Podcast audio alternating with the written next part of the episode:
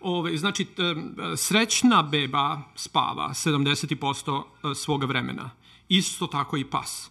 Pas koji je siguran u svoje vlasnike, koji ima sigurnu afektivnu vezanost sa, sa njima, pas koji je kvalitetno nahranjen, koji nema prolive, koji nema digestivne e, probleme i koji nema alergije povezane sa hranom, e, nema o čemu da brine i pas čije krv, krzno negujete na način na koji treba, omoguća vam da imate ambijent u kojem živite normalno. Ja, meni je jasno da kada imate psa na, na dvorištu ili kada imate psa koji živi u boksu, vi ne treba da razmišljate o kupanju pasa. Koliko treba da razmišljate ukoliko pas koji živi sa vama u kući spava u krevetu vaše dece. To su dva različita pojma. Ne treba ti da ne treba vi da brinete o tome kako ovaj kako sada pas e, se ne kupa, vi dođete kao koliko, puta, koliko često da kupam kuće. Bez konteksta vi ne možete da dobijete pravi odgovor. Kao kada često postavljate određena pitanja u inboxu, meni treba znači tri svetlosne godine da dođem do konteksta iz kog me ugla pitate određene stvari da bi mogo da vam dam ispravom odgovor. Zato je jako teško pronaći adekvatne odgovore na svim ovi, u svim ovim elementima gde vi imate na kraju ovaj live iseckan u preko 50 različitih e, videa koji traju po jedan minut. Vama nedostaje kontekst. I iz tog ugla gledano uvek morate da posmatrate vašeg psa, vašu porodicu, um, Evo sad ćemo uh, ovaj, odgovoriti na pitanja koje su polako počele da se dešavaju. Ovde, Vedrane, molim te, ono kao keep up with TikTok. Uh, znači, šta sam ovde sad teo da pitam? Znači, vi imate samo tri elementa o kojima treba da vodite računa, a to je komunikacija, ishrana i nega krzna. Ta tri elementa spojena u jedan vam daju kompletan, uh, ono kao relief i vama i psu ali zato mora da znate gde da tražite odgovore. I odgovori na ta pitanja leže u jednoj nedoumici koja je, savremena, koja je savremeno čovečanstvo još uvijek nema konsenzus oko toga. A to je kako je pas nastao. Zašto je to jako važno pitanje? Zato što je to važno na nivou komunikacije, jer taj jezik govori, zato što je važno na nivou iskrene, jer odatle pas dolazi. I to su dva odgovora koja moramo da imamo odgovor na pitanje i sad na ovom programu koje smo počeli uh, prošle nedelje, zove se ishrana pasa sa osnovama detoksikacije i oporavka organizma. Prvo pitanje na koje treba da, da, da damo odgovor jeste otkud pas pored čoveka. I to je ta evolucija koja je po mnogim stručnjacima i ljudima koji su sklonjeni na margine naučno, naučne zajednice, ali sve više i više isplivavaju njihovi, njihovi značajni naučni radovi, a to je da se zapravo evolucija nije ni desila. Jer vi imate u jednom trenutku um, uh, vuka, vuka koji se značajno u klasifikaciji terminologije vrste zove canis lupus i imate psa koji se po nekim naučnicima zove canis familiaris, a po nekim drugim naučnicima se zove canis lupus familiaris. To znači vuk koji živi pored čoveka. Canis lupus familiaris. I to su značajni elementi koji vama daju pravu sliku o tome ko je vuk i ko je pas. I vi ako ne tražite tamo iskustva za komunikaciju sa psima, pa vi ste pogrešili jezik. Odnosno ne vi, nego bilo ko. Drugo što je jako važno naučiti iz te, iz te strukture jeste da je pas prva životinja koja je počela da žive čo, pored čoveka. Pa tek posle su počele da žive pored čoveka domestikovane životinje koje su, od kojih je čovek imao direktne koristi da ih hrani, da ne mora da ih ubija, da ne mora više da lovi, nego je sve to privuko kod sebe, pa kokoška, guska, krava, to je sve pripitomljeno tek pošto je čovek pošao zajedno da živi sa vukom.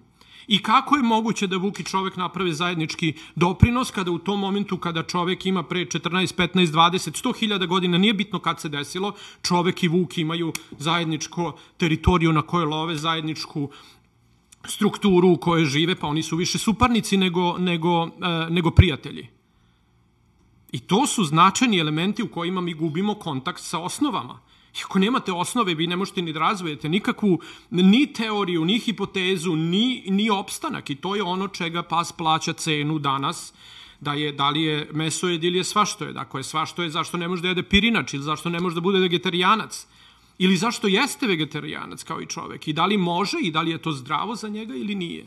E, to su sve odgovori na pitanja koje počinju tek kada se odgovori na primordijalna pitanja, a to je ko je zapravo pas kao biće. I onda nega krzna, nema nikakve veze sa njegovom strukturom, kvalitetom života, potrebama i tako dalje. Ona ima potrebe čoveka u prvom planu. A to je da čovek brine o psu na načinu na koji brine o svojoj ličnoj higijeni. I ako vi meni dođete da kažete dosta je sirće, dosta je voda, jednom godišnje meni jasno na šta vama liči stan ako vam pas spava u krevetu. Me ja mogu samo da zamislim da vi odete da uradite koprološku analizu, e, parazitolo, pa, parazitsku analizu vašeg, vaše stolice, šta biste tamo pronašli. Znači, ne morate vi meni da objašnjavate, ali to je svesnost, to ja ne mogu da ulazim, to je stvar ličnog vaspitanja, obrazovanja, lične higijene, kako, kako, šta ja vam kažem, koliko često da se kupate, pa nije to pitanje za mene, nego je pitanje za vas. Svakog od vas ko ima problem sa kupanjem pasa, treba to prvo sebe da pita. Treba perem zube, kupam se, pas mi živi u krevetu, ne kupam psa zbog toga što mi veterinar rekao jednom godišnje. Pa dobro, Kupajte ga jednom godišnje.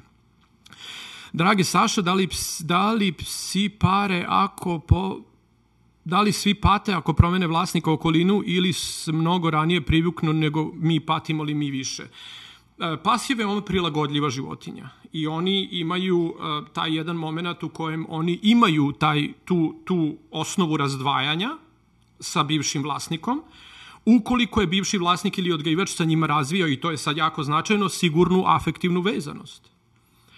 Što verovatno je u 90% slučajeva neće biti slučaj. I onda vi dolazite u sledeću stavku u tome kakvo okruženje novi pas ima kod novih vlasnika. I to je prilika za reset, da psi koji se udome iz azila ili koji se udome promene vlasnike imaju prostora da se odma priviknu na nove vlasnike koji su u stanju sa njima da razviju, pozitivnu afektivnu vezanost i pored kojih psi zapravo se opuste. I sad je uvek pitanje, mi patimo, naravno, mnogo više nego psi, jer psi žive u trenutku i ako neko može da zameni prethodne vlasnike i radi ono što je zadatak svakog, to je lider, to je kao, to je ono kao tipa uh, kralj je mrtav, živeo kralj Znači, tog trenutka prestaje prošlost i počinje nova budućnost. Ne pati se za tim, ništa. Ovaj kralj je umro gotovo, sa tim o njemu se više ni ne priča, do, posle će da se sahranju i tako dalje, ali tog trenutka drugi kralj preuzima funkcije e, lidera. To je kao da u prirodi dođete, to je sad čopor, u kojem alfa je sklonjen. Nema, ovi ostali svi odma služe novom. To je kao, na primjer, kada kada ne znam to lavovi lavovi su poprilično nemilosrdni u tom kontekstu pa kada sta no, e, novi lavovi novi lav neki preuzme teritoriju čopora i pobedi tog lava tog trenutka se dešavaju različite stvari i to veoma nemilosrdne. A to je prvo što uradi jeste da pobije svu štenad, odnosno sve male mačiće koje tu postoje. Ja nisam mačkar i ne znam da li je to tako i sa mačkama, da li bi se to desilo da mačke žive u prirodnim okolnostima.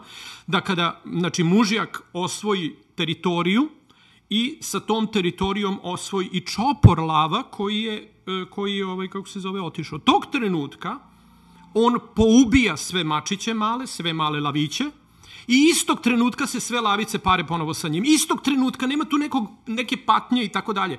Mam, mami kojoj su pobijeni svi mačići pari se sa mužjakom koji je osvojio čopor. Zato što je taka, takav je princip.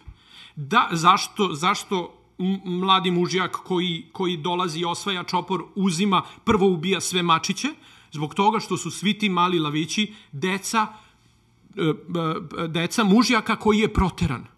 To znači da oni nose gene nekoga ko je slabiji od ovog koji je sad došao i mame su potpuno tu ono kao niti brane svoje mačiće, niti mogu da ih odbrane. Govorim mačiće, mislim na male lavove. I to je, to je princip zakon prirode u kojem važi zakon jačeg.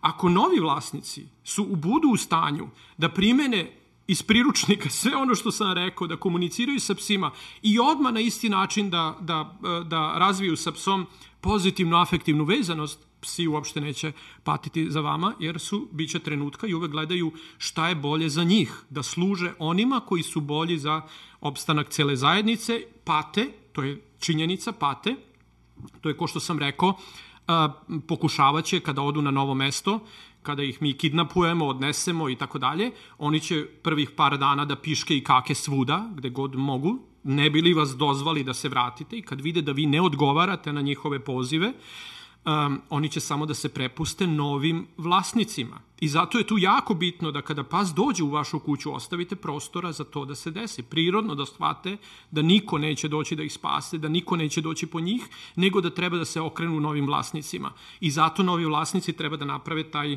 taj prozor privikavanja na njih, a to je da omoguće psu da priđe I to je taj moment u kojem e, vi kada dobijete štene malo, vi kada dobijete novog psa, kada ga dovedete u kuću, najvažnije su tih prvih 24 sata do 48 sati, najduže 7-3 dana. To ni, nikada u životu nisam video da je 3 dana, ako je na pravi način. E, naš mali je uradio to za 24 sata kad smo ga doveli. Ali šta je bitno da uradite? Da ga dovedete, da mu pripremite, da li će da bude u nekom delu, ako je veliki pas, ako ste ga usvojili i tako dalje. Ali jako bitno da mu date priliku da odboluje. Za ulicom, za azilom, za starim vlasnicima, za, za čim god, kakav god život da je živio pre vas, to je bio za njega život. I sad ste ga vi doveli u svoj ambijent i vi ste ga stavili u neku kuću, neki stan, neki svoj prostor, i onda pas tu počinje da traži ono što je, ono što je imao. I tu će prvo da pati. Kako će da, tako što će piški kaki na sve strane. Zato što će pokušati da stare prijatelje, mame, braću i tako dalje dovuče do sebe, da ga prate, da dođu, da ga spasu i tako dalje. I to je bitno da prođe sam. Ako vi tu krenete da ga tešite, da ga mazite, dođe vamo i tako, ako mu se upletete u taj proces, e, vi ćete ga vi ćete mu onemogućiti da shvati da oni nikada neće doći po njega i da oni više nikada neće biti možda zajedno. I onda u tom prilik, i onda šta radite? Znači vi ga hranite, donesete mu vodu, donesete mu hranu, prođete rituale, on jede, možda i ne jede i tako dalje, ali se sklonite od njega. On se u piški vi počistite, on se u kaki vi počistite, ne kažete ništa, ne kažnjavate, ne vičete i najvažnije ne zovete. Ostavite prilike psu da priđe vama. Kad će da priđe vama? Onda kada shvati da više niko od starih neće doći. To staro može da bude i loše. To staro može da bude azil, može da bude ulica iz naše perspektive. Moj mali sin koji je bio, eh, kako da kažem, tako reći zlostavljan i od profesora u jednom trenutku i od učenika, on je eh, dobio zadatak kao eh, pedagog je rekao da pređeš u drugi razred on je rekao dobro i taj moment, kad, taj, to jutro kad je trebao da pređe u novi razred, on je rekao ja ne smem, bojim se, a čega se bojiš? Pa kao da ne bude gore nego što je ovde. I onda je rekao, taj, uh, mislim, stvarno je bio dobar pedagog i rekao, eto, ovo ti je sad prilika, sad ili nikad? I on je rekao, ajde, ajde ipak, možda će da bude bolje i bilo je bolje na kraju. Ali je bilo to, znači, ovo je staro i koliko god da je ružno, ipak je predvidivo. A ovo novo ne znamo kako će biti, možda bude gore, možda bude bolje. I naše da im objasnimo da će biti bolje. Kako? Tako što ćemo razviti sa njima pozitivno afektivnu vezanost koja počinje time da im date pravo da odboluju ono što je bilo i da shvate da možda ovde možda bude bolje. I oni će vam se prepustiti tako što će vam prići i početi sa vama da imaju kontakt. I to je važno. Da taj prvi kontakt bude oni su prišli i vi ste im onda na pravi način odgovorili a to je da ste se pomakli, znači niste odgovorili na njegov poziv, pomakli ste se, oni su shvatili da ste vi nedodirljivi, pomakli ste se, oni su otišli, legli rekli, ja, gde sam sad, sam izgubljen između dva sveta, i onda ste ga pozvali i onda je prišao.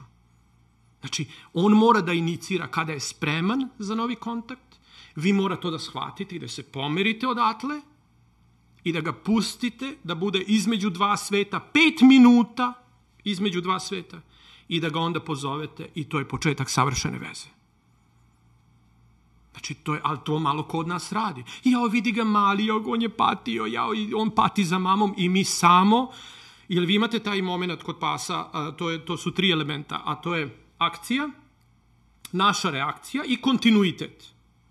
Znači, svaka akcija koji proizvede bilo kakvu reakciju vodi u kontinuitet. Jedini način da se kontinuitet prekine jeste da se izbegne reakcija na bilo kakvu akciju. I sad on plače, vi ste reagovali, zašto ne bi plakao? Kontinuitet, a plakanje prelazi u kontinuitet. On je piškio, vi ste ga istukli, pažnju je dobio, prelazi u kontinuitet, možda neće da piški, ali će uraditi nešto drugo, možda će postati agresivan, vući će na povodcu, bežaće od kuće i tako dalje. Znači, zašto? Zato što je e, sam, e, sama, sama akcija proizvela reakciju koja možda, možda i neće. Često se desi da zapravo e, psi koje tučete, kao i deca, nastave to da rade zato što možda je to jedini način da dobiju pažnju. Znači, to je ukratko u, u široko veliki ovaj, Ok, super. Idemo da vidimo, ovaj, evo, vezano za ishranu iznutricama, da li je tačno da u iznutrice mislite da tu spadaju pluća, bubrezi, slezina, creva? Da. Znači, sve živo što može da bude mekani organi, to spada u iznutrice. E, naravno, sada tu imate, kako da kažem, opet se vraćamo na to da oni treba da jedu hranu koju biste vi jeli, i ovaj e, krenete da ovaj da se bavite psima iz ugla svog, znači koje su to životinje koje vi mi recimo ja mu ne bi davao svinjetinu, piletinu, right? Um, čak možda ni ćuretinu, ali bi mu davao ovčetinu uh, i organe, ovce, krave, ove, kako se zove, dake, šta, patke, zeca, sve one stvari koje vi jedete. I isto tako, ako ste vegetarijanac ili vegan, može, i to može, ali ima specifičnu težinu pripreme te hrane, da ima dovoljno mineral, znači ništa se ne daje tako kako jeste, nego mora se fermentiše. Um, e sad, uh, do we have something from the, yeah, what? Ajde, TikTok, sad i na vas malo da...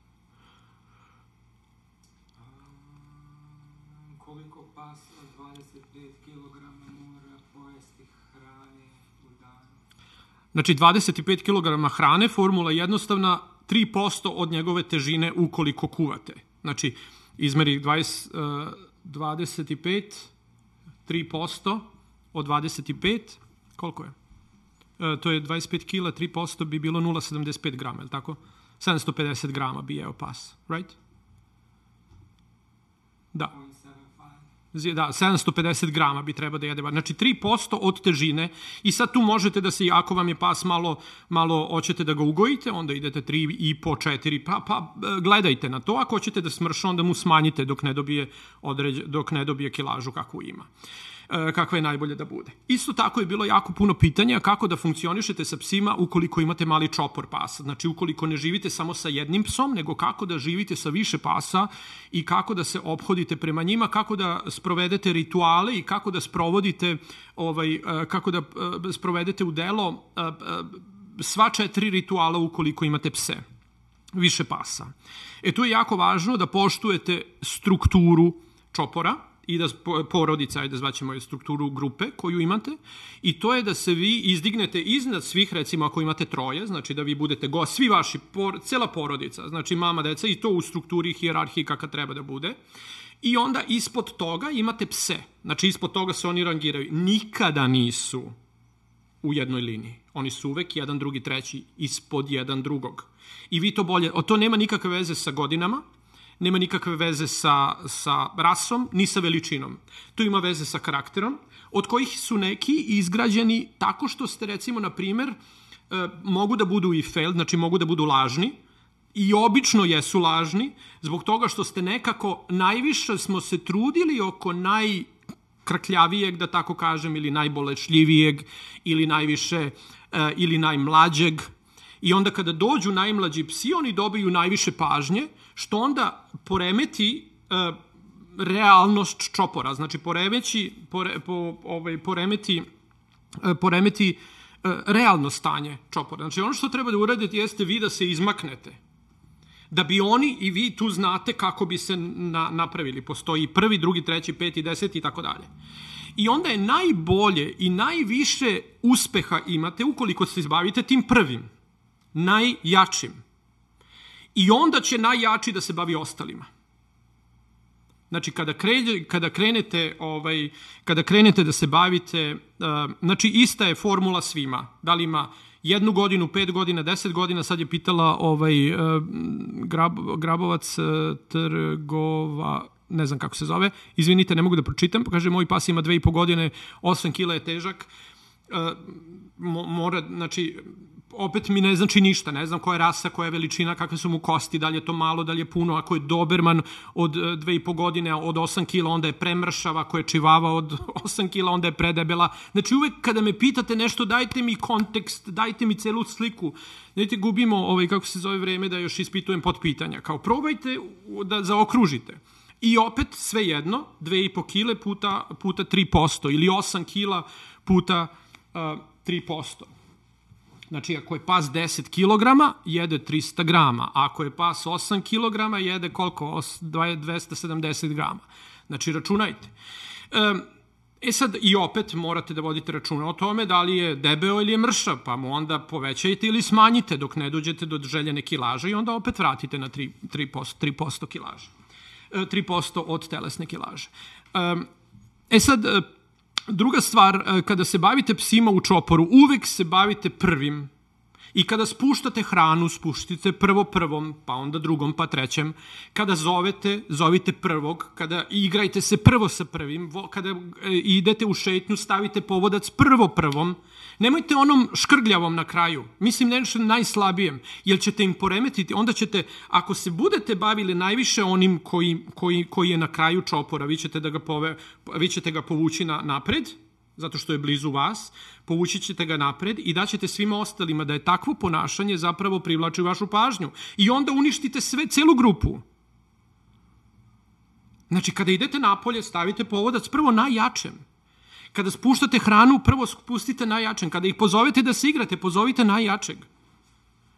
E, I onda će iz tog najjačeg, taj će preuzeti vašu inicijativu i srediti ove ostale. Nemojte se uvek baviti najslabijim. Jer ako se bavite najslabijim, onda, onda ste poremetili red i onda taj najslabiji može da se desi da, da ovaj, kako se zove, da napada ove, da ovi neće da puste, pa da se stalno nešto čarkaju, možda se desi da se nikada neće poklati osim jednom, a taj jedan put ovaj će da završi ubijen. Nemojte da se igrate sa tim stvarima, zato što su to jako osetljive stvari. Viđao sam ljude koji samo jedan put se vratili kući, oni pogledali ovaj jedan mrtav, ova dva ga ubila. Stvarno. I to su stvari sa kojima često ući ćete i ulazite u problem i često ljudi, odgajivači su, odgajivači u želji da najviše, ono kao, nešto empatija, žao mi ga je, daj da ga spasim, a drugo je ono kao, jo, ode mi hiljadu eura. Znači, nije bitno šta od ta dva. Um, odgovorni odgajivači, baš evo, koleginica jedna ovde u Americi, imala je bebe i kao rekla je, e, porodila se, porodila je se ovaj, kuca, kuja, i uh, imala je četiri psa, četiri ovaj, bebe, i sledeći dan je rekla, ja, jedna je uginula, a ostale su tri bebe. Ta jedna je bila najmanja i bila je veoma spora oko toga da ide prema bebe. Nije uginula, ona je uspavala, zato što mama nije htela da joj daje mleka.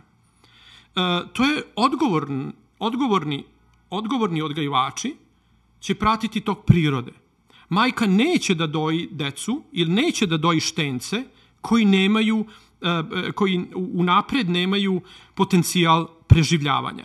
Kako majka zna koje bebe da gurne sa strane, a koje će da doji? Pa tako što osjeća, mirišu, znači svaka naša osobina koja postoji i vidljiva i nevidljiva, regulisana je određenim hormonima hormoni imaju svoje mirise, pogotovo psima koji mogu to da ne mirišu zbog toga što im je zavisi od studija koju čitate naš e, veličina i ovaj, e, jačina e, čula mirisa od između 220 i 200 puta jača od čovekove. I oni mogu da namirišu hormonski, mama može da kaže od, ovog, od ove bebe nema ništa. Čak i ako preživi, ne može da preživi i neće preživeti. Čak i ako preživi, bit će opasnost za buduće generacije. I onda mama vi kaže, ju, kako, ne, ne, kako nesposobna mama, kako neće da doji? Pa nije da neće da doji, nego neće da podržava ono što je osuđeno na propast. A šta mi radimo? Jo, jadna beba sad će da ugine, ja, ja ću da na cuclu, na ovo, na ono, daj samo da sačuvam, da ja sam, ja, ja ovako. I šta pokažete? Onda svim ovim ostalima pokažete da što ste, što ste bangavi, što ste kilavi, što ste osetljiviji, to će čovek više da brine o vama I tako šaljemo totalno jedan drugi, drugi i onda krenete celo leglo kasnije, u kasnijim, to ne mora da se desi odma. To je sad već jedna postavka neke druge homeostaze legla koja funkcioniše i koja kaže aha, ljudi se zapravo od kojih ja zavisim mnogo više bave sa mnom ako sam bolestan, ako sam nesposoban i onda će oni da mi prilaze. I to je, to je zapravo ono sa čim se mi danas, vi ne znate da li imate nekog psa danas, čija je majka, čiji odgajivač tako se bavio psima. I ovaj, ovaj sam rekao, jeste teško, ali je ispravno. Pa ona kaže, majka nije htela da ga doji i šta sam ja uradila? Ja sam uspavala bebu. D šta da radim? Da ga dojim i da ga odgojim, da ga dam nekome, da posle kasnije on kada bude odrastao, bude bolešljiv, bude bolestan ceo svoj život – nego slušam zov prirode i što da kažem, majka koju sam ja odnegovala i koju ja volim i tako dalje i sva, ta, sad ću neću da poštujem njenu prirodnu odluku da šta, ostavim bebe tako i to je najbolje odgajivačima da se ne mešaju u taj prirodni ciklus. Da se ta prirodna selekcija desi u leglu, a ne da spašavanjem pasa koji ne mogu da prežive zapravo činimo loše i za pse koji ostaju živi i za sve one druge koji dolaze i kao njihove bebe i kao njihova i kao njihovi e, vlasnici i tako dalje. To je odgovorno odgajivaštvo. E, šta imamo dalje? Koliko dnevno da unosi hrane ugojila se Yorkirski terijer Yorkshirski terijer, znači e, vi samo smanjite, znači nije ako je 200, e, znači 8 puta 270 e, grama, vi ju ispustite na 250 grama. Tako. Anything else? What? Malo Instagram, odnosno Instagram malo dobro nema veze. TikTok je uvek ovaj, uh, pitaju više.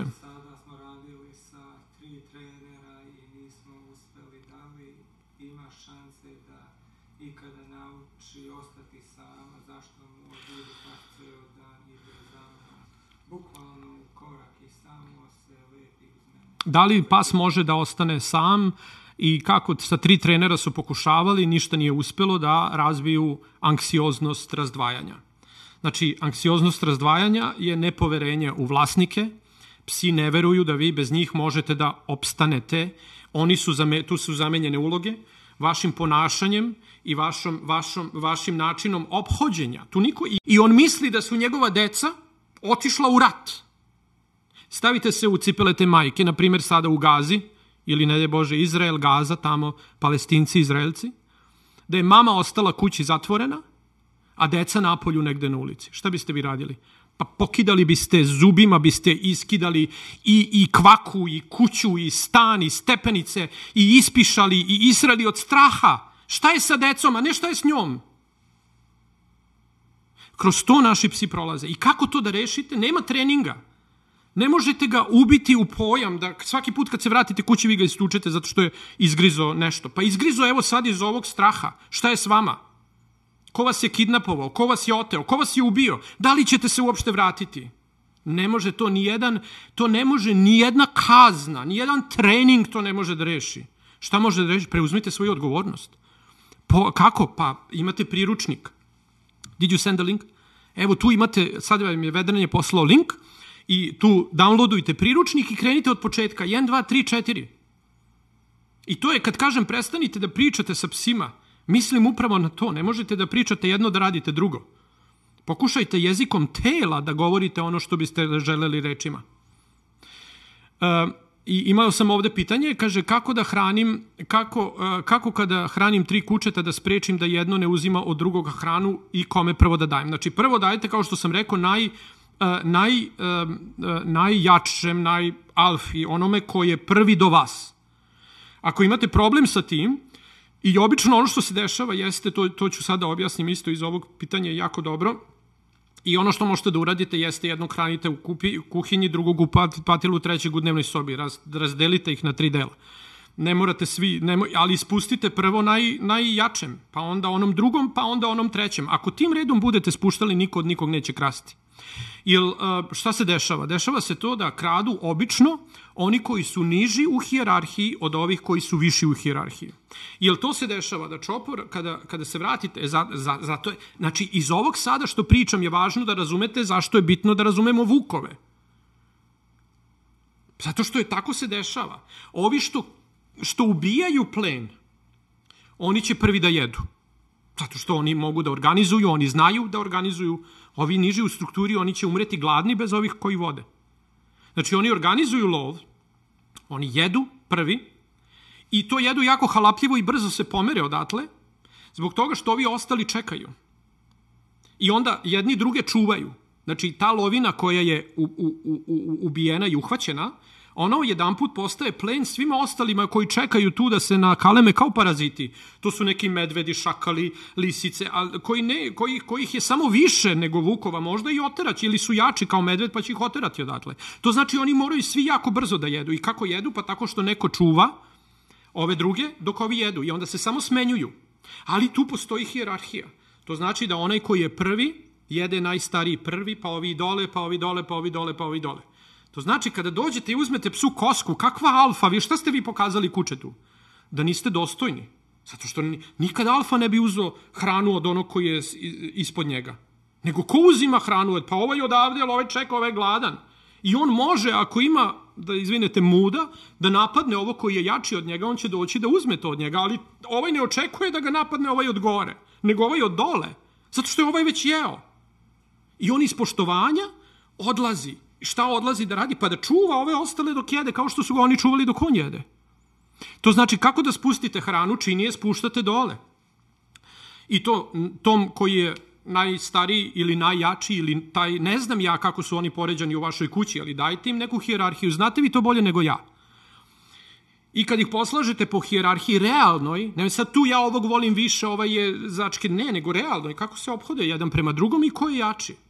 I onda, vidite, samo morate da razlučite da li je ovaj najmlađi možda jači zato što mu ja pridajem više pažnje, zato što je poslednji došao i najviše zbunjen od svih ostalih i onda ima moju pažnju.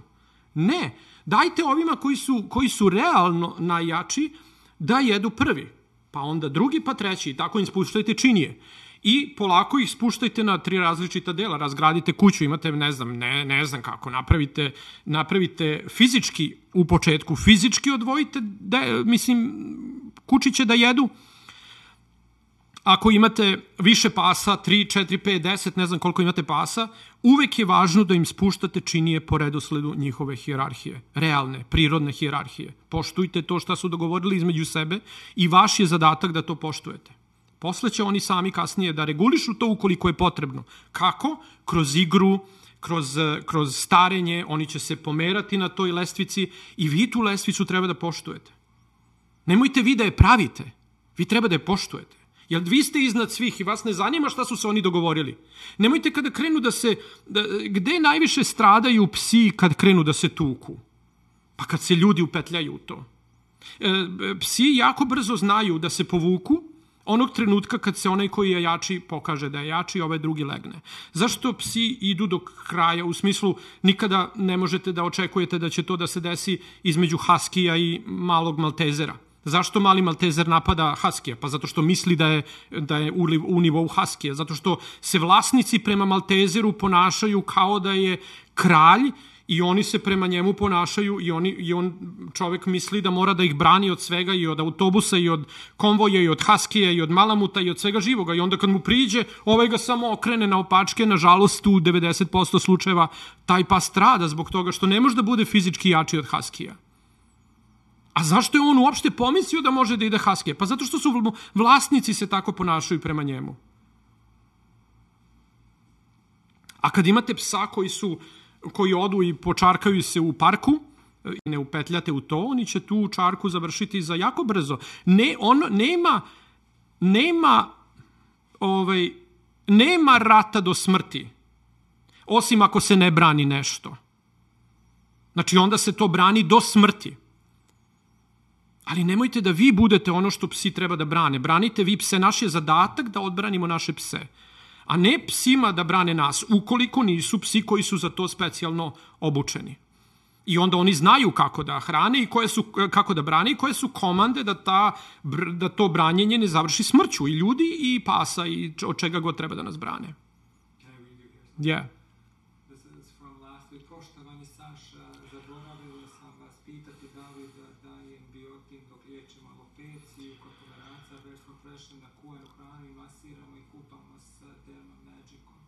Da li da dajete biotin psu koji ima od alopecije, koji pati od alopecije. Biotin jeste, ovaj, kako se zove, ja ne bi, eto to kratko.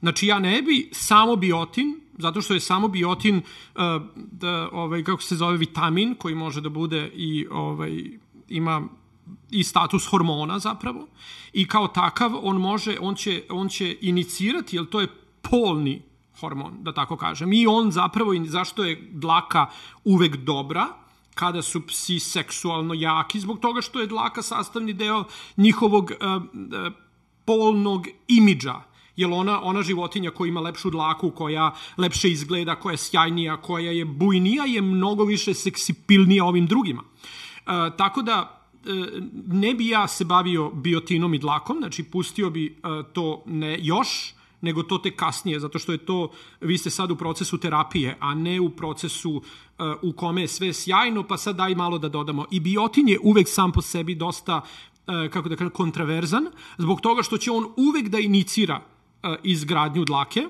ali po koju cenu? Ako nemate viškova od kojih se dlaka pravi, onda se, a imate kako da kažem, hormonski nadražaj proizvodnje dlake iz povećanja seksualnog nagona koji se sada bavi tu tim ovaj koji je sada narušen velikom količinom biotina koji postoji u, u, u telu psa, onda će ona da tera životinju da izgleda super, ali ponekada to može da košta jetru, bubrege, kosti i tako dalje. Mnoge druge organe koji, se, koji mogu da budu odakle ti elementi za izgradnju dlake mogu da budu vučeni. I tako je, postoje različiti preparati na tržištu koji su isključivo i samo uh, biotin, i on isključivo i samo tera dlaku na stvaranje. I vi ćete stvarno da vidite pse koji super izgledaju, ali dve, tri godine kasnije, možda čak i par meseci kasnije, može da se desi kao što se i dešavalo, određeni organi počinju da trpe pankreas, jetra, bubrezi, kosti. Znači, nemojte tako velike e, poteze da pravite. Znači, uvek tražite one preparate koji su za dlaku, oni su uvek uh, miks mnogo više vitamina od koji dlaka može i da se pravi. Thank you. Od kojih dlaka može i da se pravi. Znači, ne samo da inicirate razlake, nego da postoje i viškovi elemenata od kojih se dlaka pravi. A, dobro. Imam pudlu i često joj iz očiju curi nešto smeđe, nekada nestani i opet se javlja. Imam pudlu koje nešto curi, nešto smeđe iz e, oka. Znači to stvarno može da se desi da je alergija na prašinu, ne znam gde živite, da li u gradu, da li na selu, da li ima puno prašine, da li ima, ali očito, znači sve što nije suza, sve što nije čisto i kristalno, sve ima uh, određenu tendenciju upale. Znači boja i sada je opet pitanje da li su to da li je to tečnost uh, braunkasta i žućkasta ili je to uh, okorela suza koja isto može da bude uh, samo brown boje zbog toga što se skorila i toliko je ima. Um, znači, ukoliko je izvan oka, i tu se stvaraju ti krmeljići i tako dalje, onda suze, onda oči suze i one navlače prljavštinu i prašinu koja se onda kristališe ili tu se skuplja, pa kad se nakupi puno, onda mi to vidimo kao krmelje, ili su to krmelji koji cure iz oka boje, pa je onda oko inficirano, odle, znači opet treba kontekst, da li je tečno ili je suvo, da li se stvar, da li živite u gradu ili na selu i da li je pitanju infekcija ili u pitanju uh, prirodni tok koji znači samo može da obrišete te, znači to, to su Karamelji se stvaraju tako što suze izlaze napolje, pa se onda na, te, na, to vlažno, na tu vlažnu dlaku koja je napolju nahvata prašina iz vazduha i to se kao izgleda kao te tamno brown suze koji nisu suze nego su krmlji, a sa druge strane možda imate sekret koji izlazi iz oka i koji je boje žućkaste, zelenkaste, braunkaste, to je već govorimo o infekciji. Znači tu opet mora napravimo veliku razliku između toga šta je to.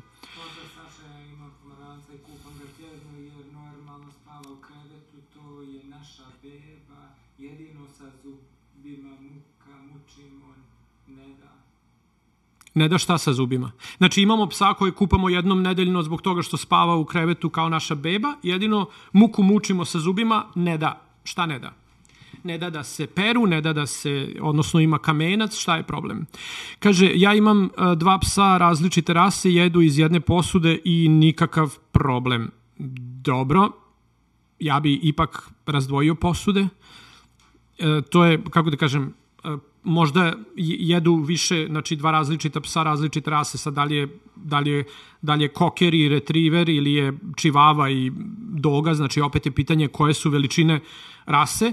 I kada jedu iz iste činije, e, nemate nikada ovaj, i sad je pitanje da li im spuštate hranu i da li je u ritualu, znači ritual hranjenja koji počinje, ima sredinu i kraj, pa spustite, pa jedu, pa podignete, Znači, ili je hrana stalno na podu u jednoj u jednoj čini, pa kad koji hoće dođe i jede. Znači, to sve vodi ka, vodi ka različitim različitim problemima zbog toga što je sistem komunikacije sa psima kroz hranu izuzetno bitan i to je sveti čin za pse i nemojte tako samo olako, ja oj nahranio sam ga ili trči kuće da ga hranim i spust. Ko će da nahrani kuće danas, ajde samo mu daj granule, to je toliko jedan važan element zato što je to bio razlog zato što čovek i Vuk napravili kompromis i dogovor. To je bio razlog zašto se pas odvojio od Vuka i prišao čoveku i rekao ajde ti da me hraniš, ono tamo pitanje da li ću da jedem, a ja ću ovde da ti radim sve što ti od mene hoćeš za kontra uslugu za to.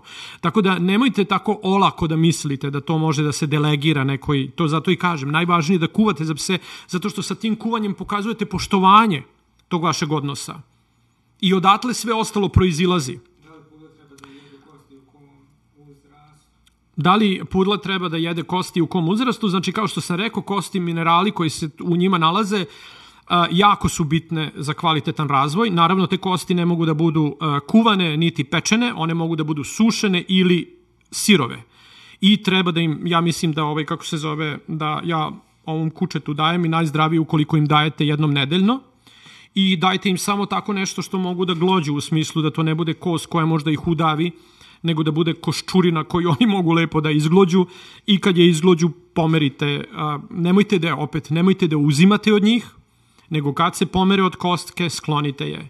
Ako neće da se pomere od koske, zovite ih da se igrate sa njima, uzmite im kosku, samo nemojte koskom, uzimanjem koske i hrane da im dokazujete kako ste alfa, kako ste od vas sve zavisi, kako ste vi najve zbog toga što zapravo radite sve obrnuto i kontra. Opet kao što sam malo pre rekao, poznavanje e, evolucije pasa vodi nazad u razumevanje vukova i struktura u tome kako vukovi jedu vodi u to da vi zapravo ako uzmete kosku psu pokazali ste koliko ste ispod njegovog ranga i koliko zapravo uopšte nemate kvalitete jednog vođe koji nikada ne bi uzeo hranu od nekog ko je počinjen. Jer to je nepoštovanje. Ovaj počinjen će da se skloni dok ovaj jede, A kada ovaj jede, ovaj će da ga čuva. Znači kada mali, kada taj počinjan jede, alfa pravi gazda i pravi alfa lider će da čuva, da, da, da ovaj može da jede u miru, a ne da mu uzima kosku, kao sad ja pokažem ko je gazda. Majke ti.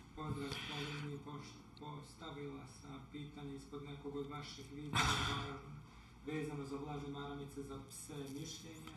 Uh, vlažne maramice za pse samo ako nisu alkoholom, uh, samo ako nemaju puno alkohola i uh, da li da koristimo vlažne maramice za pse, znači samo ako nemaju alkohola. Uh, sa jedne strane, sa druge strane, ako su na vodenoj bazi bez puno mirisa, zato što je miris isto tako može da proizvede određene alergije, a opet e, ako nisu na vodenoj bazi i nemaju mirisa mogu da budu uljane, a uljane mogu opet iz nekog razloga da one, znači opet je pitanje sad zašto bi koristile, ma, zašto bi koristili ma, ma, maramice.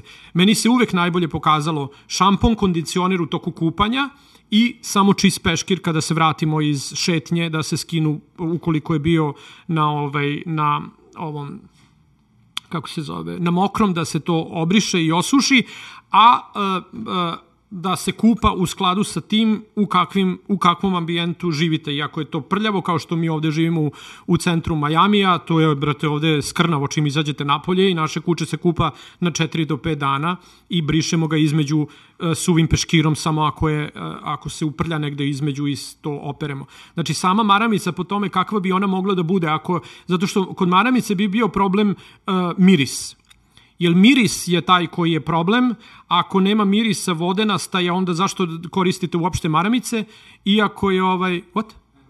ok, i ako je uljana, onda opet možete napraviti veći problem, ako je alkoholna, tek onda. Znači, opet e, došli smo na to da kad sam odgovorio na vaše pitanje i nešto tu raz, raširio bez odgovora, dođemo na to, bolje koristite valažan peškir ako već nešto morate. Šta kaže? Third time asking, da li psu dozvoljavati odnos sa jastukom ili igračkom, neko moj pas to vrlo često radi. Da li, od, da li dozvoljavati psu odnos sa igračkom ili jastukom, moj pas to vrlo često radi. Znači, to je opet pitanje uh, odnosa sa psom i uh, uh, u nekom kontekstu odnosa međuljudskih odnosa u kući, ali ajde da se, da se skrenemo znači, na igračke. To podrazumeva da igračke stoje slobodne po kući i da pas uzme igračku i da se onda na takav način igra sa njom. Ili jastuk sa druge strane. To znači da sam, sama, samo igranje između vlasnika i psa nije adekvatno shodno onome kako pas to očekuje. E, igračke ne stoje na sve strani po kući i onda pas uzme da se igra sa njima kada hoće ili ih donosi kod vas da biste vi s njima igrali. Igračke su na polju samo kada se igrate sa njima. Znači, kada, ja, kada je vreme za igranje, kad ja to hoću, izvadim igračku s kojom hoću da se igram i onda ta igračka predstavlja taj neki mali tu neku malu ovaj lovinu koju ili taj neki mali kako se to kaže um, what's the prey? Kako se kaže prey? Ulov neki mali oko kojeg mi možemo da se, da se igramo. I kad se igranje, ritual igranja završi, ta igračka se vraća u, i nema tu igračke na sve strane. Zašto bi se pas igrao? S kim da se igra? Kakve igračke da se igra kao kada, kada nema interakcije sa ljudima? A ako, ako se tako igramo sa njim, onda, jel on šta, šta radi na takav način? Pokazuje dominaciju nad igračkama. Igračke i jastuci su mu, uh, ma, su mu mali, ovaj, kako se zove, mali, čak nekada i kada naskače na nogu, Znači, ne treba da mu sklanjate igračke u momentu kada on to radi, nego treba da mu sklonite igračke i da se igrate sa njim, ko što sam rekao hiljadu puta. Nemojte se osjećati krivim ako ne šetate sa psom dva dana ili dva sata dnevno ili nedlju dana, ali osjećate se krivim ako se minimum 10 minuta na dnevno, dnevno sa psom niste igrali intenzivno, nekom igračkom, neko, nekim jurcanjem, nekim guranjem, čime god da se igrate i to inicirajte na ispravan način, pretvorite u ritual. Ako to ne uradite, onda neka vas grize save zašto niste imali vremena da se igrate sa psima. Jer to je ono što oni nas očekuju. Njima ne treba šetnja 100 km levo-desno, jer oni idu na posao. To je taj moment u kojem isto ta šetnja se dovodi u vezu sa istim razlogom zbog čega imaju anksioznost razdvajanja. Jer sve što je izvan glavnih vrata kuće je opasan svet. I tamo se ne igre da se igra. Tamo se ide da se radi. Šta se radi? Pa isto što vi radite kada izađete napolje. Idete na neki posao da biste radili i dobili neke pare, da za te pare odete pa kupite nešto, da li parizer ili, ili junetinu ili šta god da kupite, ali to je zašto, zašto bi uopšte izašli iz kuće? Pa mora da idete nešto da ulovite. Sad mi to lovimo, kako da kažem, iz nekoliko koraka. Neko je ulovio za nas, neko je zaklao za nas, neko je preradio za nas, pa mi samo ne idemo da lovimo to više, nego idemo da radimo, pa na, zaradimo pare, pa onda idemo u neku radnju, pa tradujemo to za... Znači, i mi radimo. I kad izvedemo napolje u šetnju, sve što je preko toaleta je zapravo rad. I zato često se vrate kući popadali od iznemoglosti, zbog toga što su i fizički i mentalni bili u konstantnom radnom uh, na, naporu, I mi smo se vratili kući i sa njima kao, joj super, vidi ga kako spava, kako je umoran. Pa naravno da je umoran. A gde je interakcija? Interakcija našeg odnosa izostala. Nismo se igrali sa njim, zato što smo mislili da je parkić dovoljan, zato što smo mislili da je šetnja dovoljna. I u tom kontekstu, jao grize šapice, jao vrti se u rep, jao ima koje kakve probleme. Pa naravno da ima probleme, zato što mu ne posvećujemo ono što mu treba, a to smo mi. Mi izađemo u šetnju pa odgovaramo na mailove. Ili odemo u parkić pa pišemo poruke. Igra mu treba. A gde mu treba igra?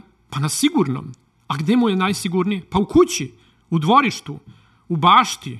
U nekome ne treba vi da idete 100 km da bi se igrali sa kučetom i stan je dovoljan. Da li sterilizacija utiče ili ne utiče na ponašanje pasa, mislim na mužjake, uvek pre nego što sterilišete psa, rešite problem sa ponašanjem. Rešite problem pa ga sterilišite. Jer često se desi da ukoliko mislite da će, da će, da će uh, kažem često se desi, i to često se desi, je preko 80%. Ne mora da znači da niste u onih 20%, ali je veliki ulog, velika igra, da će posle sterilizacije mužjaka, znači kastracije, da se desi da ponašanje koje ste mislili da ćete srediti kastracijom zapravo, zapravo se pogorša. Ako su bili agresivni, postanu još agresivniji. Ako su nešto radili, pa ste mi mislili sad ću to da sredim, postane još gore. Zato što su sve to radili uz podršku hormona, koji sad više nema. Oni će i dalje sve da percipiraju takvim, ovaj, takvim, uh, takvim, uh, takvom vizijom, zbog toga što su svet tako videli, I, vi ste, I to su sve radili uz podršku hormona.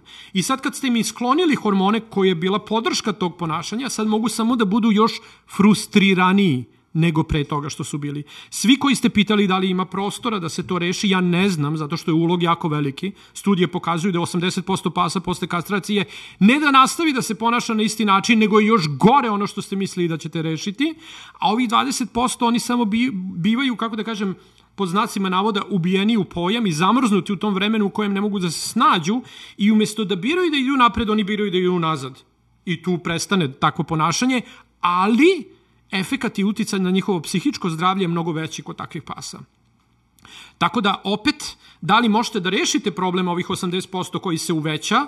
Može, naravno, ali treba vam mnogo više vremena, rada, upornosti, truda da takvog psa dovedete na stanje na koje ste mogli da ga dovedete uz hormone. To znači, šta god da je problem, prvo ga rešite, pa onda sterilišite psa posle toga.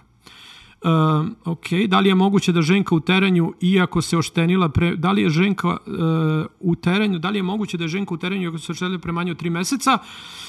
Moguće zbog toga što neke ženke, uh, ako ima, neke ženke ulaze u ciklus na 6 meseci i ne, kod nekih se desi da ciklus ne bude pomeren od, od štenjenja. Ako se oštenila pre 3 meseca, to znači da je bila u teranju pre 5-6 meseci. Jel treba otprilike, pre, znači ako se pari, treba otprilike 60 dana, 58, 62, znači dva meseca dok ima bebe i ovo je sad rekli ste tri meseca, to znači da je samo na svom schedule, na svom ritmu od šest meseci. Moguće je. Uh, neke, kod nekih pasa se desi da trudnoća prekine taj ciklus i da se onda pomeri, pa da onda bude od e, trenutka štenjenja, a kod nekih e, kujica ne veoma individualno i sve zavisi od ambijenta u kojem živite. Isto ako često se desi da ako imate više pasa koji nisu sterilisani, da će ženkice vremenom da uđu u estrus u isto vreme, polako, neko će to u nekom vremenu biti da se ona parila, da se ona ušla, o, terala se pre tri meseca, pa evo je opet, ili terala se pre dva meseca, pa evo opet, da, zbog toga što sve ženke te, imaju tendenciju da se, da se teraju u isto vreme, Da ne govorim o tome da je često se desi da a, prate i menstrualne cikluse a, žena, pa tako da uvek nekad se desi da kada imaju menstrualne cikluse u, u, na periodu od šest meseci imaju u isto vreme kad i vlasnici u kući, barem devojčice. da li hoćete da kažete da starenje može da se promeni hijerarhija? Da, starenjem može i sta, znači čime se menja hijerarhija se menja našim uticajem Ona je neprirodna, zbog toga što obično dajemo podršku onim psima koji to ne zaslužuju, pod znacima navoda, ali e, se hijerarhija zapravo u toku e, odrastanja pasa menja zbog toga što određeni kvaliteti pasa, e, određeni psi razvijaju određene kvalitete i ti kvaliteti im služe na to da mogu da da ovaj da postanu na, da budu na višem rangu ili nižem rangu, ma, mlađi odrastaju i tako dalje, znači da To je odgovor je da. Okay, anything else from your end? Okay, go.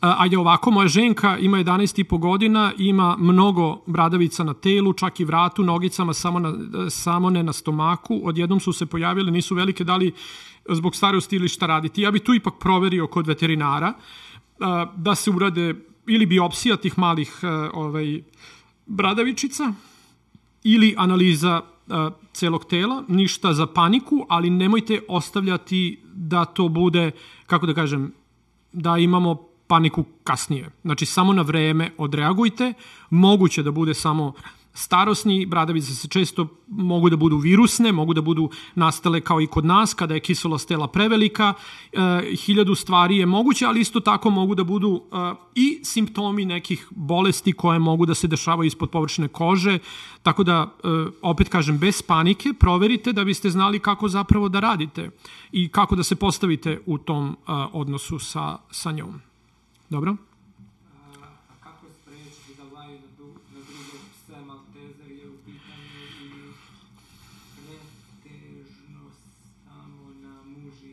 Kako, kako, stre, kako rešiti problem sa psima koji laju pretežno na mužjake, maltezer, ok.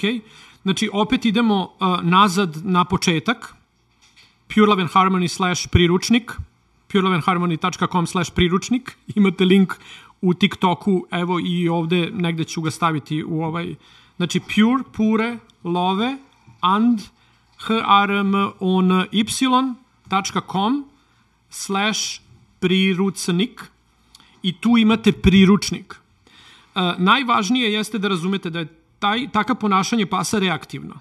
Znači, i trigeri su drugi mužjaci ili, ovaj, ili drugi psi. E, on zapravo to radi zbog toga što vas brani od tih pasa. To znači ima percepciju da ti psi mogu da vama kao porodici, vama kao njegovim vlasnicima naude. Iz kog razloga je to njegovo, u njegovoj glavi uopšte nije bitno i kako to treba da popravite primenom, pr, ove, primenom um, rituala koji su objašnjeni u priručniku. Znači, i tamo stoji zapravo da svaki put kada imate reaktivne pse koji su reaktivne na bilo šta na polju, morate da se Ani, povučete u kuću. Pasa. I da krenete znači, od početka. percepciju da, da ti psi od, da, znači, da ga mogu da vama kao svet, porodici, kada ima vama kao njegovim vlasnicima I to se naude. razvija. To Iz kog razloga je to njegovo, u, kući, u njegovoj glavi uopšte nije bitno i kako to treba da popravite primenom, pr, primenom ima trigger, na mužjacima, na drugim psima, vi ne možete da ga sklonite odatle i da gleda i da bude da mu fokus bude na vama.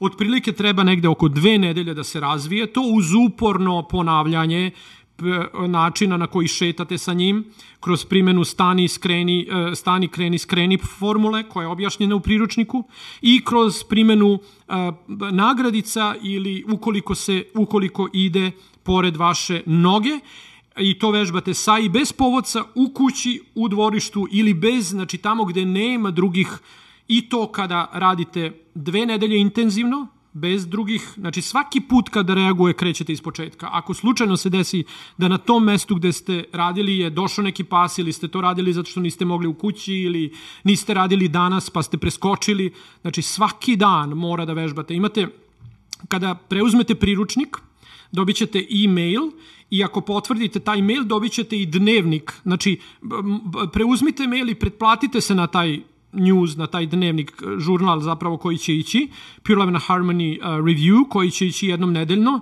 i koji će jako puno, znači u tom časopisu koji će biti online, na koji ćete se pretplatiti, puno će jako biti ovaj, jako dobrih saveta koje, kako da kažem, koje su iz te mase stvari izvučene iz svega ovoga što pričamo nedeljno i tako dalje.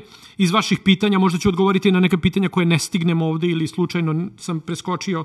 I to vas isto molim ako se desi da ne dobijem odgovor, da ne dobijete odgovor, da sam rekao da samo da nešto proučim, javit ću vam se i tako dalje. Molim vas, pišite mi ponovo, da se desi nekad da znam da sam nekom rekao da ću se javiti ponovo, ali ne mogu više da se da nađem ko je.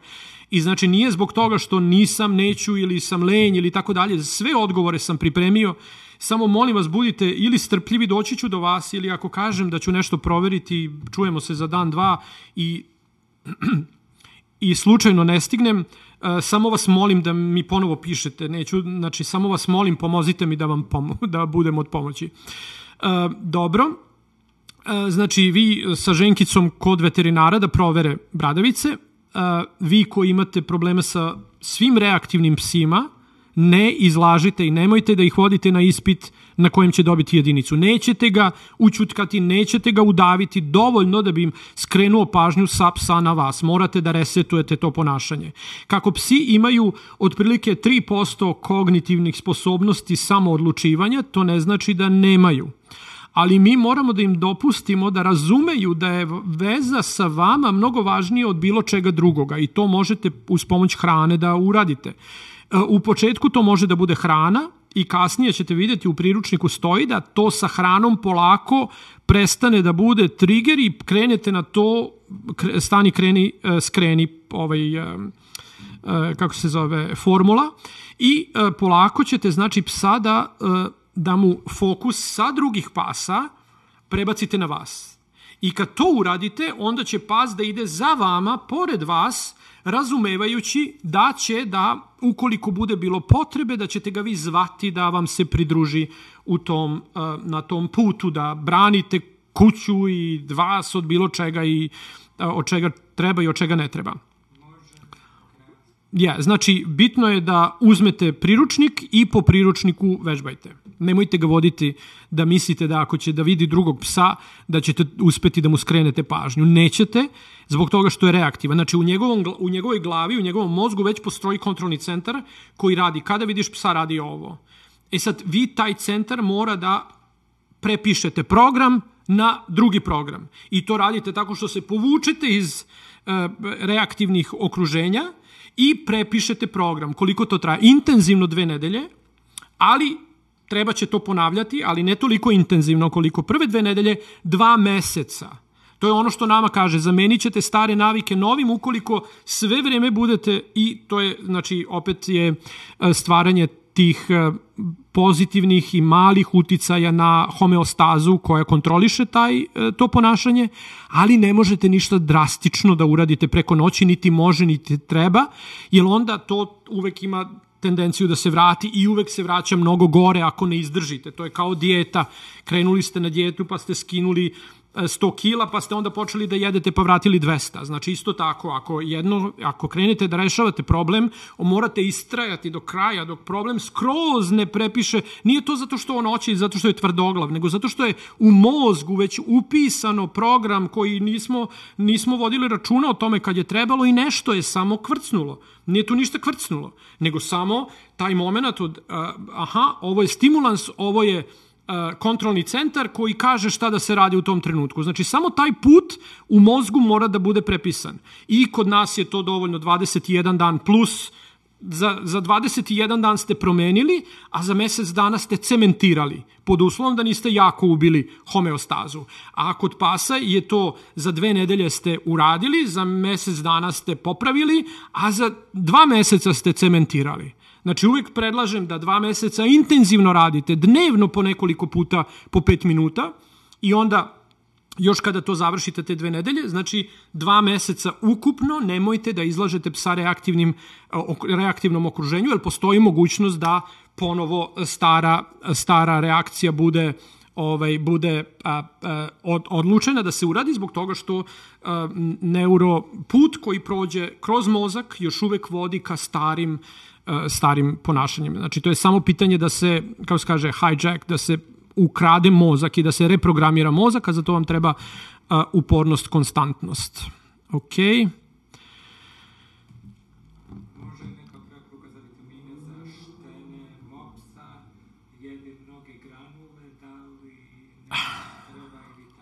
Da li, znači, preporuka za štene mopsa određeni vitamini ako jede mnoge granule – Prvo je da, kako da kažem, sklonite ga sa granula.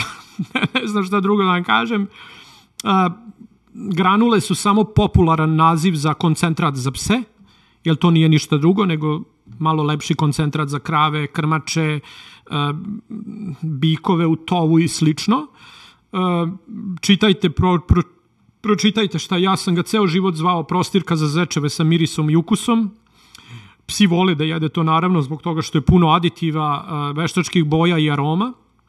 Šta god da piše na etiketi onoj velikoj, znači na prednjoj kesi, vi mora da čitate šta piše sitnim slovima i kada vidite koliko ima stvari za koje nikad niste čuli, za koje ne znate šta su, onda shvatite zapravo da trujete psa i pitanje samo kada ćete platiti cenu za to. Znači nemojte brinete ovde o vitaminima koje treba da dodajete psu u hranu, brinite o hrani prvo pa posle ovaj, o vitaminima ako bude za tim potrebe.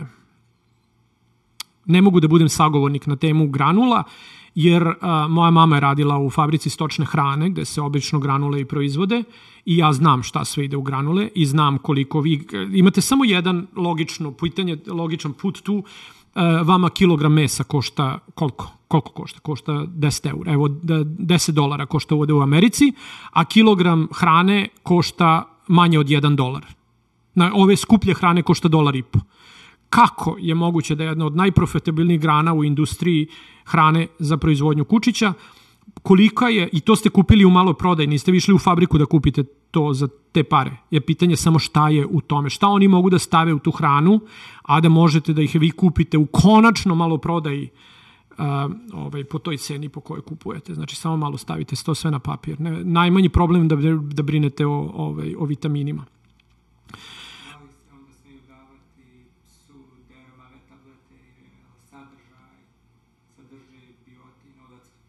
aha, da li može da se da dermavet tablete, opet je, vidite kako kaže, dermavet, to je, to je preparat koji, koji ima razloga zašto se daje i to je, ovaj, kako se zove, uh, vezano za ovo, da, dao sam već odgovor na to. Znači, biotin može, ali uvek ga gledajte u situaciji da kada ga ima, gledajte koliko ga ima, i gledajte šta ima pored toga. Znači, vi ako imate biotin, morate u, morate u tom, u, u tom preparatu imati i kalcijum, fosfor, um, vitamin D, D3, vitamin A, to su sve elementi koji stvaraju dlaku, keratin koji sintetišu ovaj protein od kojeg se pravi dlaka. Znači, vodite računa o tome da nemate samo biotini u toj količini u kojoj ga ima.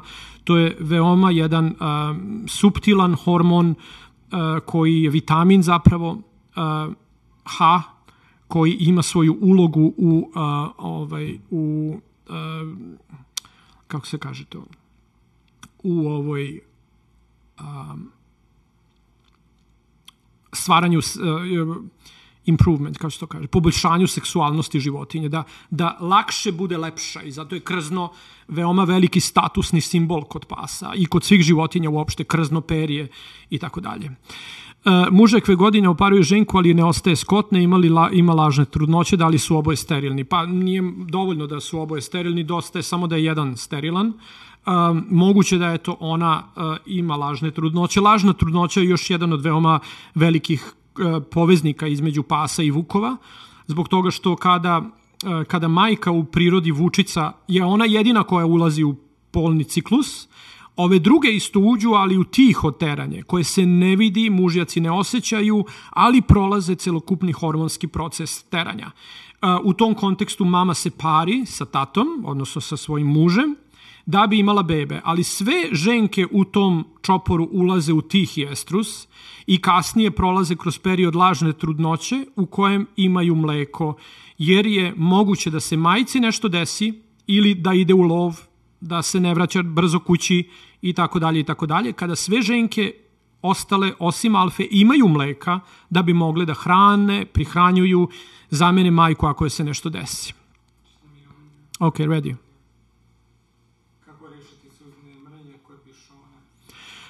kako rešiti suzne mrlje kod bišona. E, stalno pričam o tome i ima dosta videa već na mom profilu, ali još jednom, to je, to je ho, e, veoma holistički problem, znači proizilazi iz stresnog okruženja u kojem pas živi, od hrane koju jede i načina probave.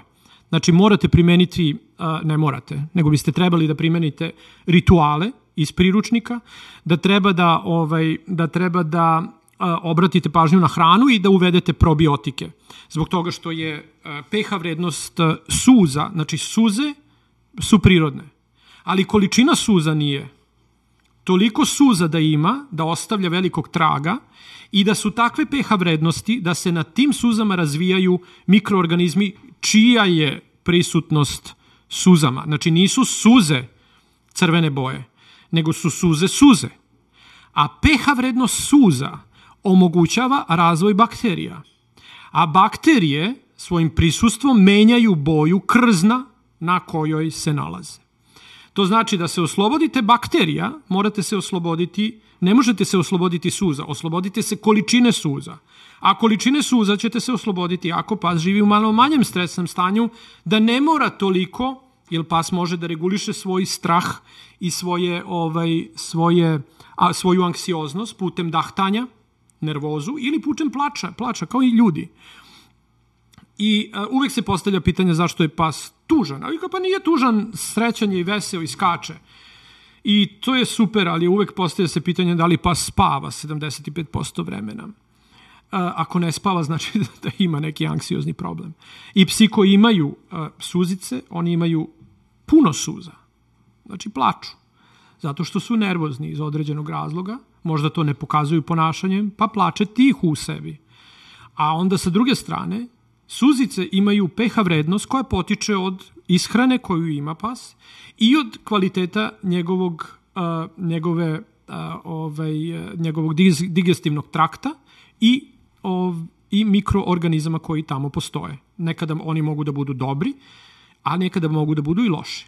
Znači, uh, pogledajte, obratite pažnju na hranu, šta pas jede, a, dodajte probiotike za pse obavezno, znači nemojte kad dodajete probiotike, nemojte da budu probiotici za ljude, jer oni često se desi da su to kolonije bakterija koje kada se na, natalože u organizmu psa ni, ne možete ni da se, se oslobodite kasnije, jer su to, razviju se bakterije koje žive na bakterijama koje treba da budu, u, znači najjeftiniji probiotik za pse je mnogo bolji od najskupljeg za ljude, znači nemojte tu pravite problem. E, I kada, sta, kada date probiotik za za pse, znači obratite pažnju na hranu i obavezno uvedite rituale opisane u priručniku, tražite, dobit ćete ga, pureloveandharmony.com slash priručnik, e, imate link tu u opisu i delit ću link kad god to bude mogao, e, na storiju će biti link da možete da skinete priručnik i zajedno sa priručnikom pretplatite se na taj newsletter, dobit ćete i dnevnik. I onda u dnevnik lepo odštampajte ga i piskarajte svaki dan, tamo imate protokol šta da radite.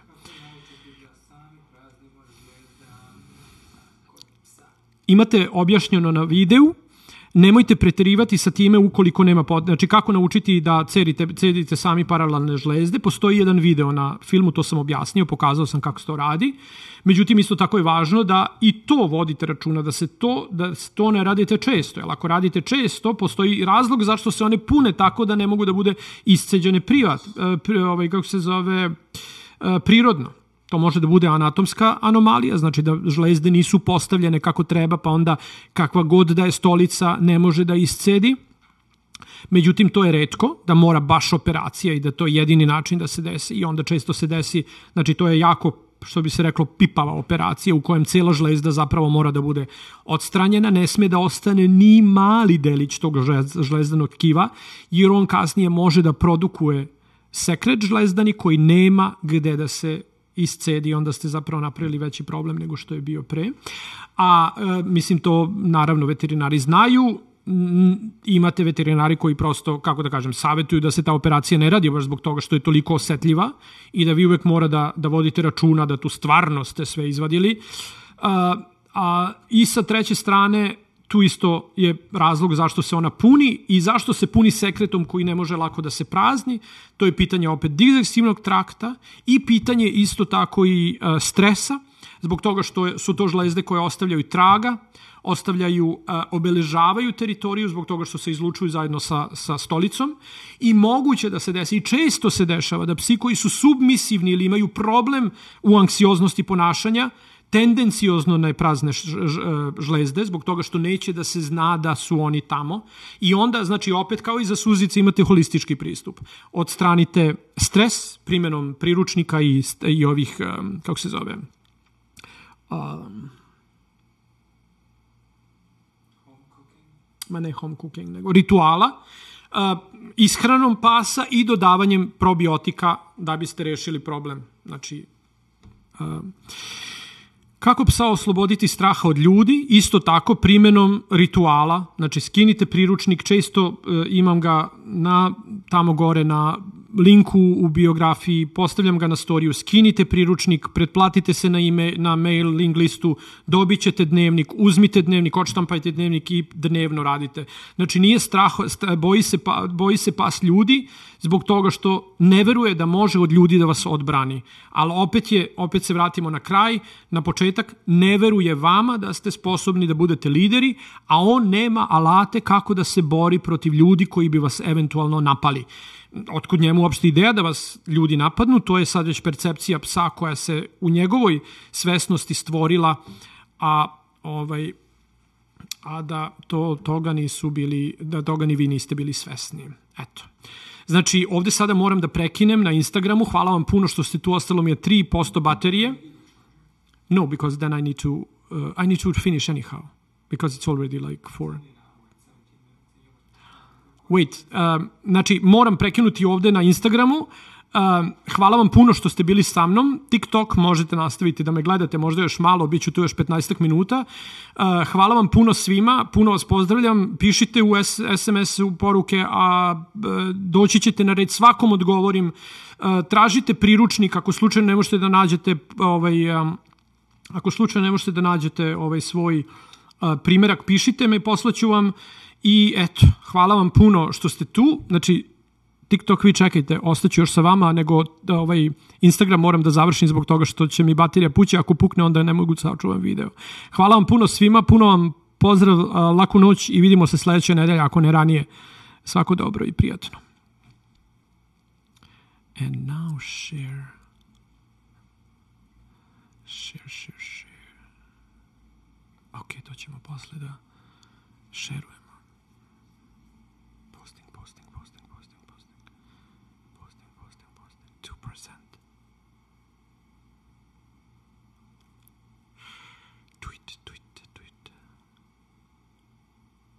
Oh my god maybe you just go now and put it in a so it can be just to post because it's one posted yet ali požuri nazad jer ne vidim ovaj Znači evo, TikTok tu ću još malo ostati sa vama, jer treba da idemo na aerodrom svaki čas, a is it posted? Perfect. Ajde, let's go back. Put it on a charger. Eh, ajde da, oh, give me one question so you can put it faster.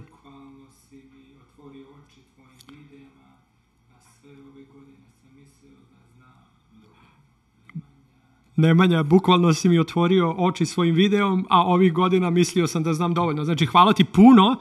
Ovaj, često se desi, znači, ovo sve o čemu ja pričam, verovatno 90% vas osjeća u svom, put it on a charger, we need it for the 90% vas osjeća u svom stomaku, ali prosto nije imalo potvrdu nigde okolo da, da to bude. I ja sam tako nekako mislio, šta kad su mi svi govorili ono kao, joj, samo počni da pričaš o tome, ne, nemaju pojma ljudi, ne znaju kako tražim ovo, ono, levo, desno. Ja rekao, pa to je nekako normalno. Međutim, to, to svako zna, šta ja tu ima da pričam mnogo. Međutim, e, čim sam počeo da, kad sam shvatio zapravo da to i nije tako, da ljudi zapravo pokušavaju da pronađu odgovore na pitanja na kojih nema, onda, onda sam shvatio evo šta, to, ovo, ovo je kao već čitav pokret se izrodio iz ovoga i čitava jedna spontano je to. Čak i TikTok je došao spontano. Ja nisam ni krenuo da, da ovaj, bavim se TikTokom, nego, nego ovaj, puno pozdrava za ceo moj tim koji je ovaj, koji brine raču, vodi računa o TikToku i održava ga iz Srbije i hvala vam puno na svemu tome i na podršci i na kritici i na ovaj na svemu jel nekada razumete ono kao volim konstruktivnu kritiku nekad se desi da planem često se desi da kažem nerazumljivo ali kao uh, rastemo i živimo zajedno u sve ovo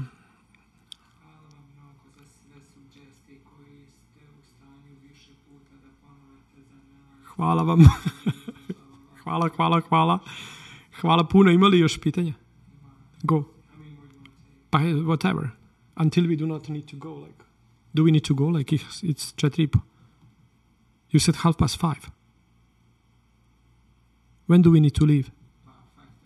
Oh 5.30 okay I did. Then let's go. Now inst- now TikTok has me. Samo sekund, evo da pronađemo ovaj da pronađemo ove da pronađemo pitanja. Uh, zapravo je ovo ovaj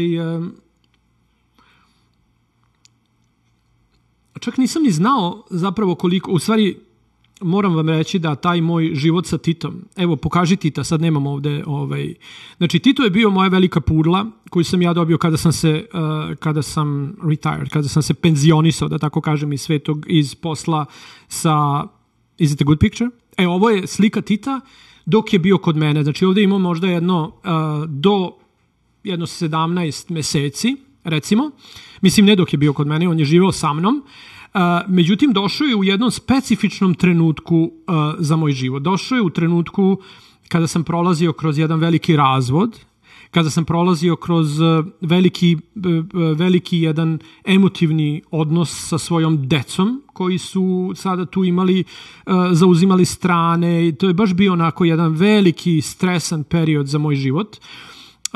Nedugo zatim sam prošao kroz jednu drugu vezu koja opet bila ono kao failure, kao i svi od nas, verovatno, u želji da napravi najbolje, uradio sam najgore. Uh, I Tito je tu nekako došao kao slamka spasa. I kroz moj posao razvijali smo tada biznis i to je bilo toliko intenzivno, puno ovaj e, puno bremena na mom na mom ovaj na mom na mom ovaj e, na mojim leđima da nisam znao gde je levo i pas je bio moj jedini izlaz. Taj pas je bio sa mnom, taj pas je živeo sa mnom, išao sa mnom na posao, svugde sam ga vodio, televizije, gostovanje i tako dalje, samo nisam mogu da ga vodim na putovanja. Kada sam putovao, levo, bio je veliki, ostavljao je, ostavio sa mojim jako dobrim uh, prijateljem koji je često nekad dolazio kod mene kući, uh, bio, ovaj, da, bio ovaj, uh, ili živeo i sa njim i sa njegovom mamom, znači ja odem na put i tako dalje. Do jednog trenutka kad zapravo taj pas nije razvio jednu ogromnu anksioznost, separacijonu anksioznost razdvajanja. Spavao je naravno sa mnom u krevetu, išao je sa mnom svuda i tako dalje. Ja to sve što sam znao, ja to kod mog psa nisam primetio. I ovo je bila cena. Znači, taj pas je razvio jednu, jedan jako veliki problem koji ne samo da je imao uticaj na, njegovu, na njegovo ponašanje, nego je razvio uticaj na njegovu, na njegovu fiziologiju. I ovo je velika pudla sa dve godine, Did you change the picture? Ovo je velika pudla sa dve godine koja počinje da gubi dlaku, koja počinje da ima probleme sa svojim ovaj, evo ga vidite kako pas izgleda i ja tu zapravo shvatam da sam ja mom psu najveći, najveći protivnik i da ja zapravo sve što ja imam u mom životu i što sam naučio za 25 godina ne primenjujem na mom psu zato što je on kućni ljubimac. Jer oni, Bože moj, imaju neku drugu funkciju. Now it's okay get me back. I kada, kada ja sada u toj situaciji imam upravo ono, tu počinje moje traganje za tim kako tom psu da pomognem. Kako sa njim da se da, da počnem da komuniciram, da ga od, rasteritim svega toga. Ja sam to sve znao, ali to sam primenjivao na psima za koje sam bio plaćen to da primenjujem. Život po strogim pravilima kojima, mislim, to su bili psi, ja sam vodio uh, pse ljudima koji ono kao leteli privatnim avionima, imali smo, znači to su psi u čije karijere ulagano po milion dolara godišnje, više od milion dolara godišnje, bili na 52 izložbe i više od 52, svaki vikend na nekom drugom kraju sveta.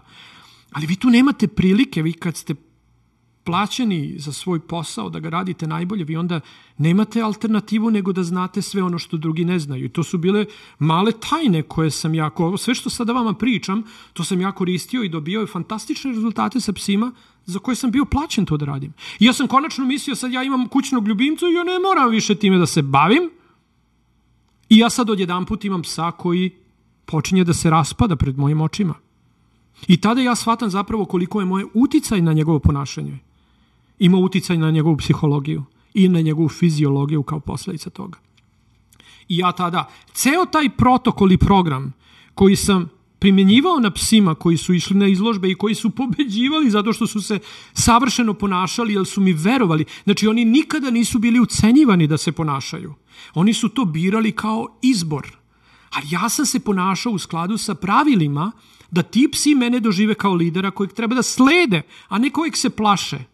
I oni su prvo savršeno izgledali zato što je taj njihov izgled bio posledica njihovog unutrašnjeg potpunog balansa. To su bili psi koji su spavali na putu, koji nikada nisu imali problem da putuju iz Japana u Ameriku, iz Amerike na Kipar, iz sa Kipra u Australiju, na, e, s jednog kraja sveta na drugi, zbog toga što su bili potpuno opušteni gde god ja tu i oni ili kad me nema opet oni njima super zato što znaju da brinemo njima. To nisu bili psi koji su bili u mojem vlasništvu, ali jesu živeli sa mnom. Ja sam morao po pravilima da se postup, da ih pravilno hranim, da pravilno negujemo njima, da pravilno komuniciram sa njima. I taj njihov šampionski izgled je bio posledica njihovog, njihovog spokoja koji su imali umje. Međutim, kad sam se ja emotivno upleo sa kučetom, vidite koji je, koji je efekt toga bio. I Tito je bio moj, moj wake-up call, da nema razlike između milionskog psa i psa koji je kupljen za 50 eura ili dobija na poklon ili, usloven, ili u, u, usvojen iz azila i pokupljen sa ulice. Nema razlike u pravilima koje čovjek mora da poštuje, da bi pas bio iznutra spokojan i da bi svaka njegova ćelija bila srećna. I to je tada kada sam ja zapravo krenuo da ceo taj program života sa psima profesionalni transformišem u ovaj sada protokol koji imate ovde za vaše kućne ljubimce. Zbog toga što je mog kućnog ljubimca takav odnos gde vi dođete pa meni objašnjavate kako ja nisam u pravu, zato što to nije tako nego je ovako, je koštao života.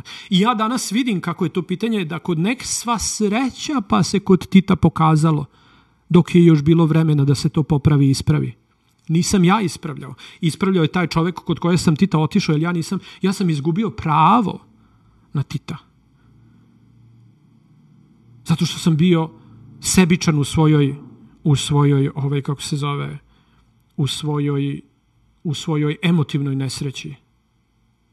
I onda jedno, jedno, to sam tako i rekao, jedno, vreme, jedno veče odlazim, vratio sam se sa puta, bio sam, ja mislim, na Novom Zelandu, na nekom seminaru i vraćam se sa puta i ja kao, ajde da, da dođem, da ga pokupim. I kao super da dođe i mi se našli u nekom parkiću, kao oni tamo idu da se istrče i levo desno i ja Tito, Tito i Tito na pola puta do mene i stane. I gleda u mene, gleda u njega, gleda u mene, gleda u njega. I rekao, ja. A u bitku sam izgubio. Tito i dan dana živi super lakas, presrećni su, svi su presrećni. A ja sam imao neki, ja sam imao onda sve to što sam u životu želeo da uradim, uradio sam zahvaljujući Titu. I ovo sada je zahvaljujući Titu. I ova studija koju sam pokrenuo sada, daj da pronađemo načina da se, da se, ta, da se više nikada nijedan pas ne razboli zbog toga što ljudi koji žive pored njih nisu uh, znali kako bolje da se ponašaju sa njima. Da nijedan drugi pas ne završi kao ovaj fitness pas. Hajde, e, Tito je, kako da kažem, u istoj porodici ostao. Zato što je nekoga drugog voleo više nego mene. Ja ga nisam zaslužio svojim ponašanjem. Zato što sam bio suviše emotivno rastrojen, tada emotivno uništen, ja žrtva, svi su krivi, ja, svi protiv mene, ceo svet se urotio, bla, bla, bla, bla, već kako to ide. I onda odjedan put kre, zapravo, to je bio šamar. Ovu priču nije lako ni pričati, ali je istinita. I nema potrebe da je krijem zbog toga što je ona izvor svega ovoga sada što radim. I sad ovaj pas ovde kojeg imam, znači ovaj kućni ljubimac koji ga imam posle koliko? Znači to je 2016, a to koliko posle pet godina. Po prvi put ponovo, zato što sad ja sam spreman za psa. Zato što sve ovo što pričam, ovaj pas tako živi, spava, ništa ne radi tu, kao super mi je u braku, super mi je u poslu, super mi je u životu, u odnosima, sve je super i sad mogu da imam psa kao pravi, odgovoran vlasnik A ti to isto tako, sa druge strane, nikad lepše nije živeo. To je tužna priča o Titu, ali velika priča za, za sve ovo što radim. I onda sam ja zapravo shvatio da mnogi ljudi misle da postoji razlika između šapinovskih pasa koji vrede milione i pasa koji su nađeni na ulici. Nema razlike. Ovo je protokol koji, je, koji smo koristili uspešno ali zaslužuje ga svaki pas bez obzira na to koliko je plaćen ili koliko se para ulažu u njegovu karijeru. I za no name pse. What's the... Okay, try, I can't.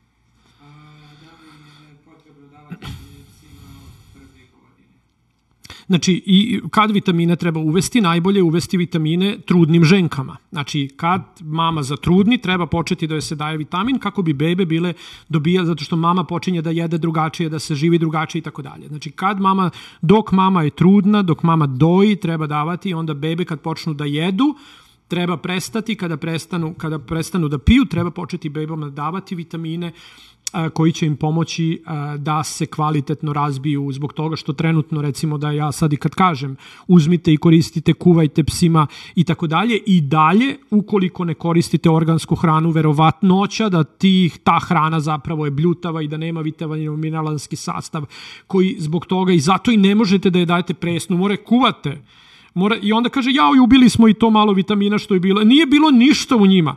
Ali kako se napravilo? Pa tako što je kuvanjem to pre, pretvoreno u nešto drugo, pa je onda stajanjem to popravilo sebi ukus. Dok ga držite u frižideru i kada ga kuvate, to pređe u nešto drugo što nije bilo pre kuvanja.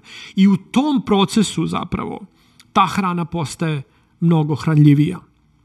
I onda kada krenete i onda zašto treba davati suplemente hrani koju kuvate? Zbog toga što ukoliko ta hrana nije organska, onda ona mora da ima dodatke. Minerale vi ne možete da... Psi, kao i mi, ne možemo da sintetišemo minerale. Oni moraju da se unesu iz hrane. Izuzetno su važni za sastav, za, za kvalitet života, međutim, određene vitamine možemo da sintetišemo, ali minerale ne. I onda njih mora da unesemo kroz hranu i u 90% slučajeva to ne uspemo. I zato je potrebno da psima u svakom periodu njihovog života i zato što nemamo ni pristupa organskoj hrani. Čak i ovo danas što je sertifikovano organsko nije više organsko, zbog toga što nema nezaprljanog zemljišta, nema čistog, nema ništa. Znači mi to možemo biti svesni toga. I zato čak i ako dajete tu presnu hranu, ona je nutritivno đubre, što bi se reklo. Čak i ova hrana koju mi jedemo, kao human grade food, kao to mi, ma kakvi bre ljudi čoveče. Suplemente treba davati psima stalno, zbog toga što mineralni sastav hrane i zato je kao iz nekog ugla, znači to je jedini ugao iz kojeg je koncentrat za pse bolji od, ovaj, od neki bolji, neki lošiji koncentrat u zavisnosti od toga koliko mineralna, mineralnog sastava, minerala i vitamina u sebi ima. Ali uvek problem i postavlja se pitanje koji su izvori tih minerala i vitamina. Vi, ne, znači Ranman kranja, to je taj otpadak hlanja u kla, industriji za klanje je nula. Zato što ono ne ide, što ne ide u meso da se da ide, to ide u hranu za pse. Pa vi imate u hrani za pse imate i creva i kljunove i rogove i perja. Sve to ide u hranu za pse, ali da li se to... Ne. Vi ne možete da očistite creva Zato što ste u tom procesu čišćenja vi izgubili jako količinu, veliku količinu sadržaja tih creva. Tako da sve to što ne ide u ljudsku hranu, kao što su pileća creva, ne znam, svinska creva mogu da se jedu, goveđa creva možda ne mogu da se jedu, ali sve te stvari završavaju u psećoj hrani. Kroz prah, kroz eh, dodatke, koštano brašno, mesno brašno, ovo brašno, ono, jel ne kaže, ne kaže često kada čitate etiketu ne piše pileće meso, piše piletina. piše, piše junetina, svinjetina, pačetina. Kako bre meso? Meso je otišlo da se proda za 10 puta veću cenu nego što je, nego što je ovaj, uh, next.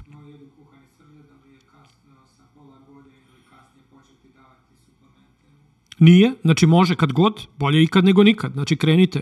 Najbolje, znači eto recimo mi smo razvili kolekciju, uh, kolekciju suplemenata Sašaris Bliss, za sada ih imate samo u Srbiji, sašaris.rs, i to ja ne znam ono kao tipa ja ne mogu da po, ne možemo da postignemo da pro, proizvodimo koliko dobro se prodaju. Hvala vam puno na tom poverenju. Na tržištu su već evo koja je ovo sed, e, četvrta godina a istražujemo preko 20 da bismo ih napravili, jer to je bilo kao šampon i kondicioner smo izbacili, to je to, više nemate šta, ali neke dlake nisu mogle da budu lepe. I onda smo mi zapravo tako i počeo taj razvoj, kako smo, da bi dlaka bila lepa, mora unutra da bude lepo, a unutra može da bude lepo samo ako je ishrana, suplementacija dobra.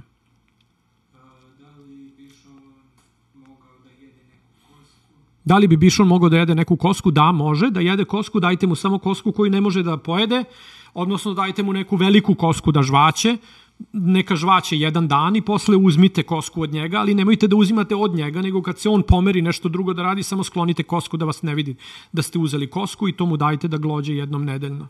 Vodite računa jako da, da veličina koske koju psima dajete, oni nekad mogu da je pojedu, međutim uvek je problem taj poslednji inč, dva, tri, znači kada ona postane mala, uh, u svojoj gramzivosti nekada taj poslednji uh, deo koske mogu da progutaju i preko 100.000 pasa ima problem sa gutanjem ovde u Americi i to i sa davljenjem od kostiju i od koski. E, zbog toga je bitno da koska ne bude uništiva, znači da veličina koske bude takva, to je butna koska od junetine ili tako nešto veliko, i da mu date jednom nedeljno da gricka po pola sata, sat, dva, i onda kad to izgricka, koliko izgrickao, zovite ga da se igrate sa njim na neku drugu stranu ili bacite mu nešto drugo, zaigrajte se s njim, za, zabavite se s njim i sklonite kosku, nemojte da mu je uzimate. davati vitamine s kvotnom su, znači imate sašaris.rs, Joy se zove preparat koji je baš za skotne kuje, kuje koje doje i štence. Hvala puno.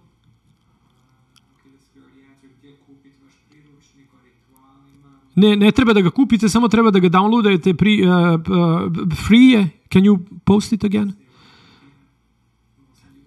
Da, pišite mi u DM, jel može samo jedan link po live-u da se pusti, ne možemo više da ga puštamo, ali evo za sve vas koji, koji možete da otkucate ovo, znači Pure Love and Harmony, reči, pure, love, and, harmon, y.com slash prirucnik, tu vam je priručnik. I obavezno se pretplatite i na e-mail koji će vam doći kao potvrda i kada kliknete pretplatite se na taj naš žurnal i na taj, te naše novosti, ne spamujemo, nema ih puno, bit će jedan nedeljno, počeće od 1. novembra i svaki put ćete imati update o naj, najčešćim pitanjima koje dobijate i mnogim drugim stvarima o kojima ću pisati. Jednom nedeljno E, bez reklama i svega ostaloga i znači ne o proizvodima, ne o tome kako smo najbolji i najpametniji i tako dalje, nego nekad o naučnim studijama, nekad o super stvarima koje su vezane za psihologiju, pa sa komunikaciju, razvoj i tako dalje, sve stvari koje ne uspem da ispričam na live-u. I, ali kad to uradite, onda ćete dobiti dnevnik. Dnevnik ima 33 strane, za dve nedelje svaki dan pišite šta vam je bilo najlakše, šta vam je bilo najteže, ima jako lep je put, da dođete do toga i odštampajte to i pišite. Ako ne budete mogli sami, uskoro ćemo organizovati webinar zajedno, uh, online event u kojem ćete moći još jednom svi da prođete, ovaj, proći ću sa vama detaljno ove, um, kako se zove, rituale online, a u decembru kada planiramo da dođemo u Srbiju, uh, organizovat ću veliki seminar jedan o kojem ću vam uskoro pričati isto.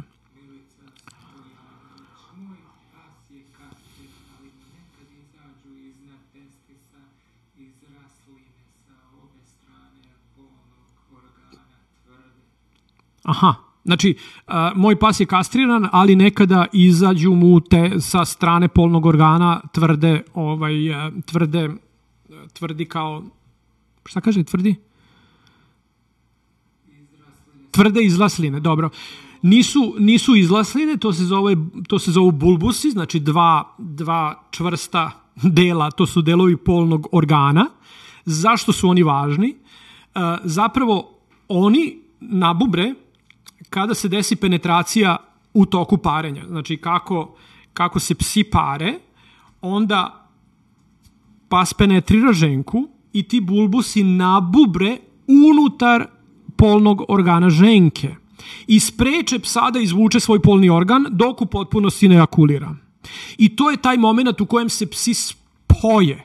Znači, psi su spojeni zbog toga što su bulbusi polnog organa se raširili unutar polnog organa ženke i tu ono kao, prosto je nemoguće ih razdvojiti. Zato se to dešava. To bi samo značilo da vaš pas nastavio, kako da kažem, normal, normalno da živi i da ponekada, i pored toga što nema polne organe, on bude seksualno uzbuđen.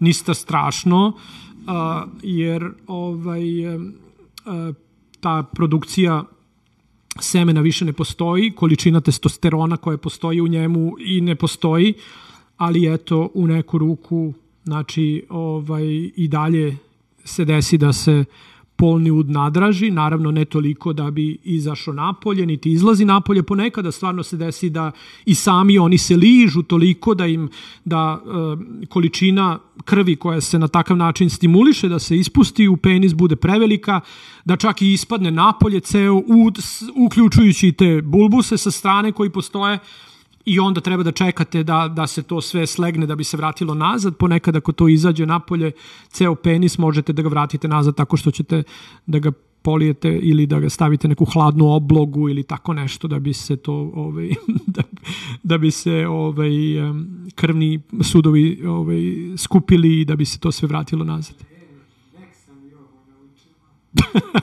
pa eto, nek sam i ovo naučila. Znači, te, te, ti, ti bulbusi su popularni u tome i zbog toga se psi ovaj, slepe, zato što da, oni se, oni se naduvaju. Dobro, let's go, yeah.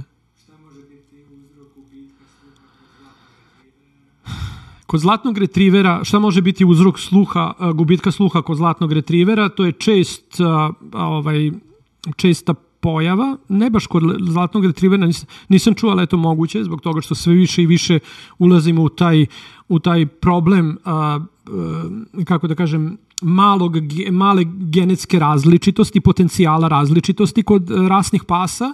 Ona je karakteristična za pojedine rase, recimo nemački, ne, nemački ovčari, nego dalmatinci. Svi, svi psi koji su beli, da tako kažem, imaju tendenciju da razvijaju uh, uh, ili tačkasti, na primjer, i kod dalmatinaca je bila česta uh, gluvoća, obično je vezana za genetsko nasleđe uh, i za sad moguće naravno da je da se desila i neka mehanička ošteta bubne opne i tako dalje, ali to je manje relevantno. Uz starosti kod pasa isto tako može da se desi da da čulni da čula polako počinju da ovaj da slabe i da posledica toga bude i gluvoća. Nažalost, tu um, ne možemo ništa da uradimo, osim da uh, se pokušamo da sa njima i dalje uspostavimo kontakt koji eto tako nas više tera da, koštu, da poštujemo principe iz priručnika, znači da poštujemo rituale, jer kroz rituale smo zapravo osnaženi da pričamo sa psima komunikacijom putem našeg ponašanja, više nego pričom. Znači, naše ponašanje je mnogo više u ritualima i svi koji praktikujete rituale, koji ste bespogovorno uh, počeli da se ponašate sa svojim psima, znači već koliko pričamo o tome, jedno mesec dana, jako puno uh, divnih priča postoji u kojeme piše jao prestoje da piški, jao više ne radi to ovde, jao više ne laje, jao više ovo, jao više ovo. Koja je razlika između oni koji uspeju ili ne uspeju u primjeni priručnika je samo disciplinovano, striktnost i pridržavanju pravila i zbog toga neko može sam, neko ne može sam, eto iz za te koji ne mogu sami napravit ćemo uh, taj, te webinare podrške uh, u kojem ćemo samo pričati o ritualima i pokušati da pomognemo svima koji imaju taj problem. Kao što vidite, uh, svi manje više mnogo veliki problemi kao što su, mislim, česti problemi. Stres je kod pasa, između pasa i ljudi, stres je jedna velika, kako da kažem, pandemija stresa, samo zato što smo emotivno upleteni i eto imao sam tu sreću da pre Tita imam jako puno znanja koje posle Tita mogu da implementiram u to i, ovaj, i eto tako.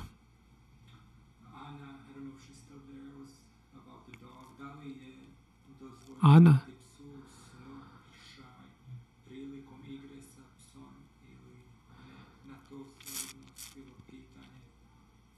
Da li psu dozvoljavati snošaj prilikom igre ili ne? Pitanje samo zašto pas ima tu tendenciju. Sad je li to ona devojka koja je pitala da li da se igra prilikom igre?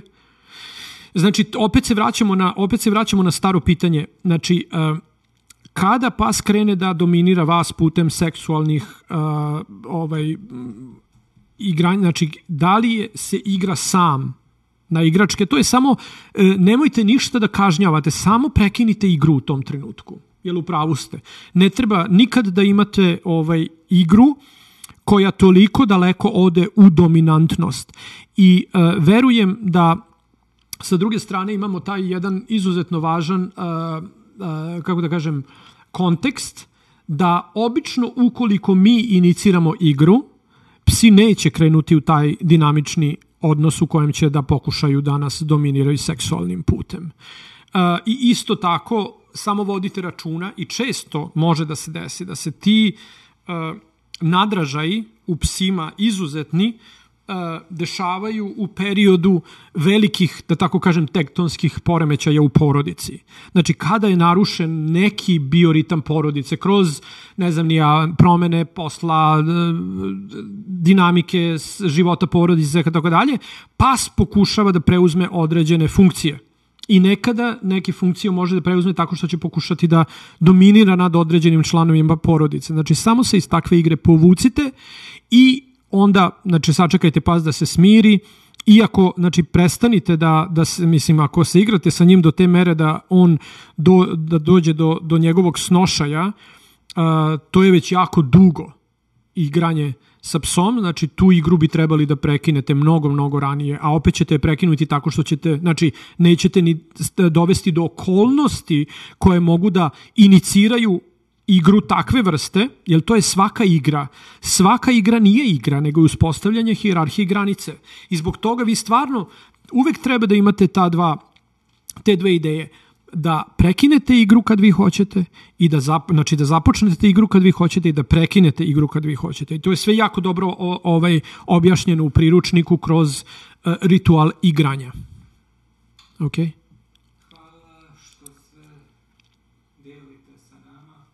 Hvala vama isto puno. Zašto je pas ljubomoran? Opet nema, nije pas ljubomoran, nego je samo pitanje o tome uh, kakav je naš odnos sa psom. Znači, opet se vraćamo na rituale. Nije da je ljubomoran, nego vas brani ili brani nekog drugog. Ne iz ljubomore, nego iz potrebe da sačuva hijerarhiju porodice i poredka, čopora, grupe. Kada preuzmete ulogu vođe, roditelja, on tog trenutka on gubi ljubomoru. Nije ljubomora, nego odbrana vas ili nekoga od nečega što on smatra da je opasnost za tog nekog ili nešto. Znači, to može uvek da mislim, danas je možda ljubomor na muža, na suprugu, na drugog čoveka i tako dalje, sutra će možda biti ljubomora na neko dete i uješće ga. Nikad ne znate na koju stranu to može da se razvije. I stalno se razvija i ima elemente erupcije. Nemojte sa time da se igrate. To su stvari koje treba, ono što nije saseće u korenu, to je naše, to je stvar koja u nama budi ideju da se razvijemo u pravog lidera koji inspiriše, koji ne kažnjava, koji ne nagrađuje. Nije stvar u nagradi dobrog ponašanja. Je, na, šta je nagrada? nagrada zavisi od e, pasa i temperamenta psa i od kvaliteta njegovog, njegovog ovaj, uticaja. Može da bude hrana, može da bude nagrada, može da bude pohvala, a sa druge strane, negativno ili neprihvatljivo ponašanje nikada se ne kažnjava. Zato što imate tri elementa, a to je uvek akcija psa, vaša reakcija koja vodi u kontinuitet. Bilo kakva reakcija vodi u kontinuitet. Nemoj čuti, beži, sedi i tako dalje, vodi u kontinuitet. Da li to mora da bude isti simptom? Ne mora. Ako prekinete jedan put, tražit će drugi da uđe u kontinuitet. Jer sve što me pitate da je vezano za ponašanje, završava se na osnovu če, primene četiri rituala. Da li se završava primjenom četiri rituala nad jednim 30, 5 pasa, samo će vam biti teže da implementirate u, sa tri psa, zbog toga što stvarno morate da znate koji od njih je vođa. Koji od njih je vođa toj, tom malom čoporu, to je kao mali, to je kao mala subdivizija unutar vaše porodice. I vi tu morate da se najviše bavite onim koji najviše zaslužuje da se njime bavite, a to je onaj koji je najjači, najstariji, naj, šta god da je naj. I kako se vi njime bavite? Pa isto kao i svim ostalima, samo sa njim prvo. Ako hranite prvo njemu, ako izlazite prvo njemu, ako se igrate prvo njega pozovite. Znači ne da pravite razliku između ostalih, nego samo da se zna da poštujete hijerarhiju koju su oni među sobom, među sobom uh, napravili. Inače to kasnije zna da, da košta jako puno.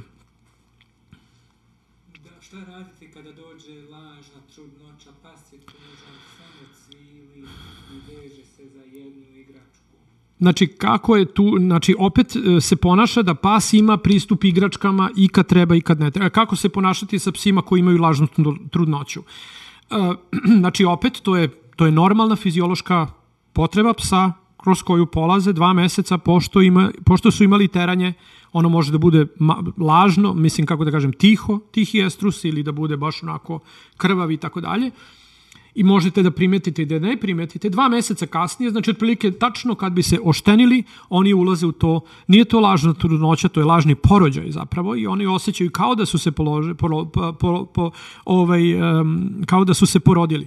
Ostavljanje igračaka sa strane im omogućava da ih straže. Znači, nema šta da traže igračke na, na podu ako se ne igrate sa psom. Znači, to je druga stvar, ali nemojte joj sad uzimati igračku. Znači, samo se igrajte sa njom, i sklonite igračke, ali ne da joj uzmete, skrenite joj pažnju, onda će ona da ide da traži, da vidi da ih nema i polako će prestati, jer što više inicirate da ona ima igračke i tako dalje, to će više da, to će ta, ovaj, kako se zove, ta lažna, lažno, lažan porođaj duž, duže da traje zapravo. Lažna, lažno majčinstvo. One mogu čak i da imaju mleka, u tom periodu morate jako voditi računa da se to mleko ne upali, kao i kod žene i kod uh, ove drugih sisara koje nema, to je često oboljenje kod krava, da dobiju mastitis, upalo mleka, upalo mlečnih žlezda, ako se ne muzu na vreme, isto tako kod, pa, kod pasa koji su u lažnoj trudnoći, mleko se izuzetno luči, ali nema ko da pije. I onda se jako lako može razviti mastitis i zbog toga je dobro da se da sisice mažu uh, jodom ili betadinom, znači samo da, kako da kažem, da namažete, um, ona će to možda da liže i tako dalje, sačekajte samo da se osuši i onda na, ponovo recimo dva puta dnevno ili možete isto tako da odvedete kod veterinara da dobije određene inekcije koje će to da prekinu. Znači, samo je pitanje koliko se često to javlja i nemojte da doprinosite da, ne, znači mora da prođe kroz to kroz šta bi prošla i nemojte tome da dopri, nemojte da je tešite, neka sama prođe kroz to iskustvo i samo treba da uzmete da joj namažete sisice da pazite da ne ide kroz mastitis, ono traje negde između dve nedelje, negde mesec dana, zavisi od, tog, ili to, od toga koliko je okolina stimuliše da bi to radila. Ne možete igračku sad sa kojom je krenula da funkcioniše, da uzmete od nje i da je sklonite, zaigrajete na nekoj drugoj strani sa nečim i onda posklanjajte igračke da ih nema Možda će da cvili ovaj, zato što ona sad ima igračku i od igračke očekuje da bude beba, a ne može niti, niti miriše na bebu, niti jeste beba, niti može da zameni bebu. Ali ona mora proći kroz to iskustvo. I opet je dobro, kao i prošli put kad smo pričali o ovoj uh, kuci koja ima problem seksualni nagon na igračkama, znači nema šta da traže igračke razbacane po kući. Niti da imaju pristup igračkama kada se vi sa njima ne igrate. Igra traje 10 minuta, 15 minuta, pola sata, sat vremena, koliko god da se igrate sa psom, imajte, možete da se igrate sa ili bez igračaka. Kad završite igru, igračke idu u neku fioku i tako dalje i nema više igračaka. Time isprečavate psa zapravo da inicira igru, time što će uzeti neku lopticu i doneti kod vas da se s njim igrate. Nema šta da se on i time zapravo samo poboljšavate i, kako da kažem, stimulišete potencijalne konflikte unutar porodice između vas i psa, zbog toga što e, često kada vam donese igračku vi ćete ovaj, da progutate taj mamac i, i ništa, onda smo izgubili priliku da budemo dobri lideri.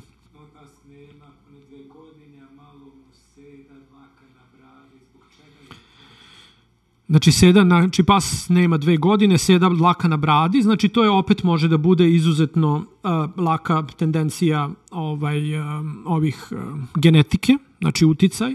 Neki psi uh, se rode crni, pa onda polako sede, postaju plavi, neki, nikad ne znate uh, kakav je background određenih rasa, određeni psi imaju određene rase pasa, imaju određene pse u u, u ovaj, kako se zove, u, u, u genetskom stablu, pa ne znam, Rottweileri, često se desi kao Rottweilerima ima, ima kao baš belo na grudima, a nekad se, kako da kažem, to je E, to je e, selekcija pasa u pozadini gde ste vi imali benske pastirske pse u tim rasama i onda nikad ne znate zapravo koje rase su kako kreirane, čega ima u liniji, čega nema u liniji, to su sve genetski, genetske ovaj, promene, ničim tu, kako da kažem, neću voliti psa manje ako mi je ovaj, ako ima par sedih, niti je to proces starenja koji je ubrzan ili tako dalje, nemate čega da se plašite u tom kontekstu, to je samo normalno sazrevanje psa, gde mi pod sedim podrazumevamo starenje, međutim to kod pasa uopšte nije tako. To je drugi koncept.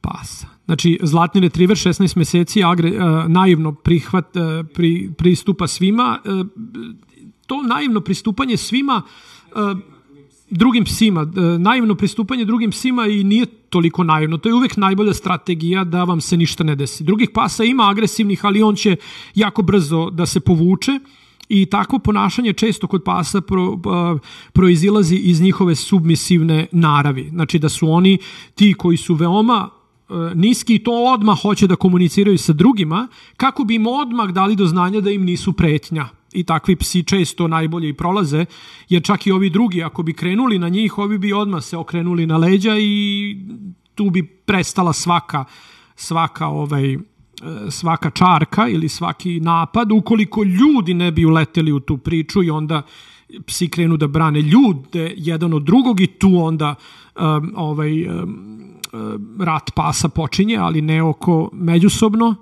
nego za svoje ljude. Um, tako da opet bi se vratio nazad u um, naše rituale koje bi komunicirao kod kuće, izvadio psa iz tog submisivnog položaja u kojem se nalazi i onda bi, kako da kažem, sa drugim psima, opet je, često mi mislimo da pas mora da ima socijalizaciju sa drugim psima da bi bio uh, dobar prema psima, da bi se slagao sa psima, pa ih vodimo u neke parkove i pričao sam već o tome, ali je uh, najvažnije da ta, to je kao dete koje nosi uh, E, kvalitet svoga života i, i ličnosti, kvalitet karaktera nosi iz porodice. Znači, ako mi imamo dobar odnos sa našim psom, naš pas će imati dobar odnos sa svima drugima, ali će znati granice koje će postavljati prema drugima i da poštuje druge, nikada ih neće preći. Psi koji su pod znacima navoda razmaženi, oni nemaju kao taj maltezer o kojem sam pričao na početku lajva, kad smo rekli maltezer napada čau čaua ili haskija i onda ga ovaj samo otrese i pa, ovaj pas samo i se okrene na opačke, ali to je od kuće. To je kao Tom i Jerry. Kakav, ta, kakav Jerry da ide da napada Toma? Mislim, gde, gde mas, miš napada mačku? I to je taj neki subliminalni subliminalna poruka koju psi od kuće prenose napolje na, na druženje i na percepciju sveta koju imaju. Znači mi, izga, i to je opet proizilazi iz kada je sigurna afektivna vezanost za ljude, za, za kuću, za, za, za ljude koji o njima brinu, onda takva afektivna vezanost podrazumeva sigurnost i takvi psi uopšte maltene i ne ulaze u odnose sa drugim psima. Oni kada ih izvedete u park, oni ništa, oni odu tamo, prošetaju, ali se vrate nazad kod vas, jer vi ste njima centar sveta a ne drugi psi, drugi ljudi i drugi vlasnici i tako dalje, ali to je sve potencijalna opasnost, potencijalno proširenje čopora koje može da traje i koje oni uvek pretpostavljaju da će da traje međutim mi, kako da kažem, i kad nam gosti dolaze i kad mi odlazimo negde, oni uvek imaju taj stres da je to sad još neko o kojem oni treba da brinu, da je to sad još neko ko treba da uđe u njihove živote, da oni sad treba još da odrede gde ovi sad stoje, ne zna ni sa nama šta da radi, sad još neko drugi tu oko njega.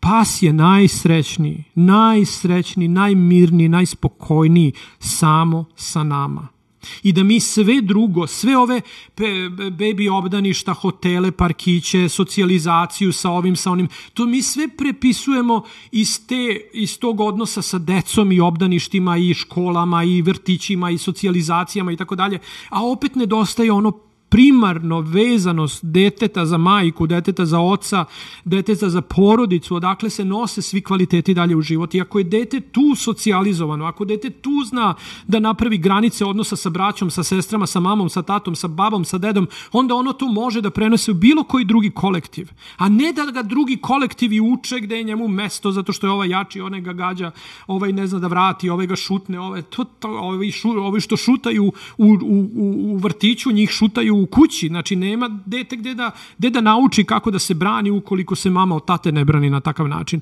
Ali to sve nije poenta priče odnosa ljudi i pasa, mi to možemo, to se završava u čoporu, pas, pas je čoporativna životinja i to kad naučimo, zato sam i počeo ovu priču o tome kako je, zašto je problem e, domestikacije pasa e, problem. Zato što pas nije domestikovana životinja. Pa čovek nije otišao u prirodu, uzo psa i napravio ga kućnim ljubimcem, nego je to bila samo evolucija psa. Da pas nauči, ali to bi značilo da je pas, ako je to njegova percepcija života i stvarnosti oko ljudi, pas je tri koraka uvek ispred nas, a ne obrnuto. I zato, zato imamo problem u komunikaciji sa psima. Jer dok mi nešto, to je kao ona pametna žena koja vrti glavu muža gde hoće, dobije sve u životu što hoće i njoj nije bitno da bude u pravu, je bitno da živi život srećne žene kojoj muž daje sve ono što ona hoće.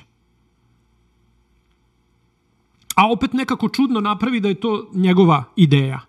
I onda on srećan zato što svoju ženu može da učini srećnom, ona srećna zato što sve dobije što hoće, na pravi način, mudar način. A ne, ja sam ti rekla, ja sam ja bila u pravu, ja sam to, e, tak, e, ali kako da kažem, psi su totalno druga, druga, psi su pametna žena koja vrti glavu muža tamo gde hoće.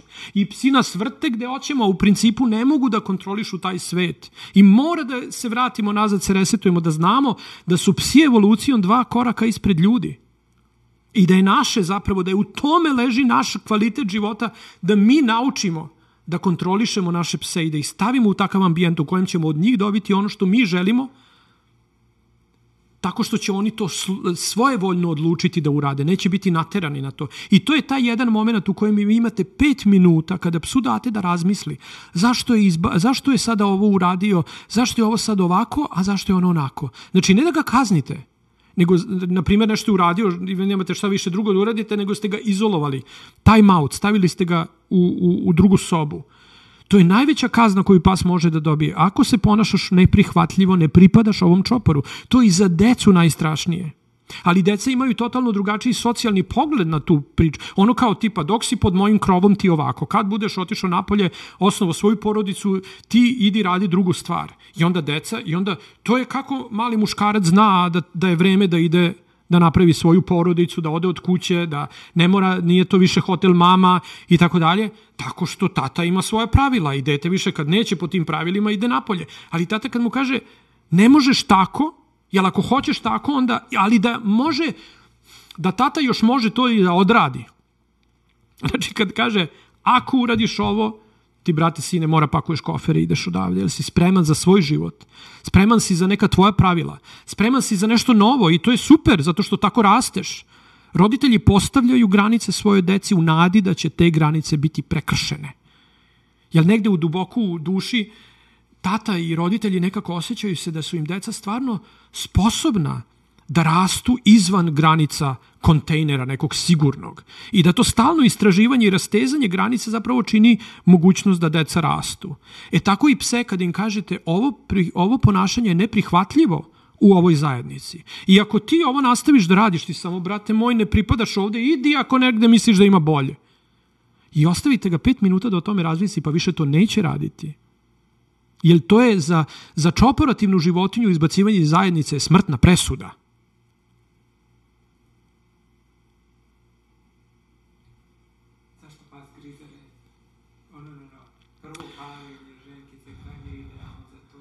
Prvo parenje ženkice kad je idealno za to? E, znači, psihički, fi, fizički pas završi kompletno, znači tako kažemo, sve živo završi kompletno sa neke dve godine. E, zavisi opet od vašeg odnosa. Neki psi treba i mentalno da sazre da bi, bili, da bi mogli da se pare. Znači, fizičko sazrevanje, koje skoro pa da nema nikakve veze sa našim uticajem, desi se, za, desi se između 18 i 24 meseca. Znači, tu bi bilo idealno da to ne bude pre dve godine. A opet sa druge strane, mentalno je bitno da ženkica bude i spremna da bude majka. A to koliko i odakle bi to zavisilo, To bi recimo opet trebali da krenete sa primenom pravila i priručnika da biste mogli da obavite rituale, da je omogućite da, odra, da, da odraste psihički što pre.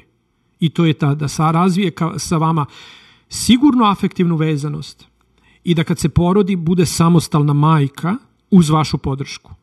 A i vi mora da budete spremni da kada bebe dođu, da oni imaju svoj fiziološki proces rasta i razvoja da tu imate proces u kojem je bitno da mama brine o njima, da vaša uticaj na bebe bude što manji, a mi to ne možemo. Kad se bebe rode, mi samo oko beba i mi tu poremetimo sve živo.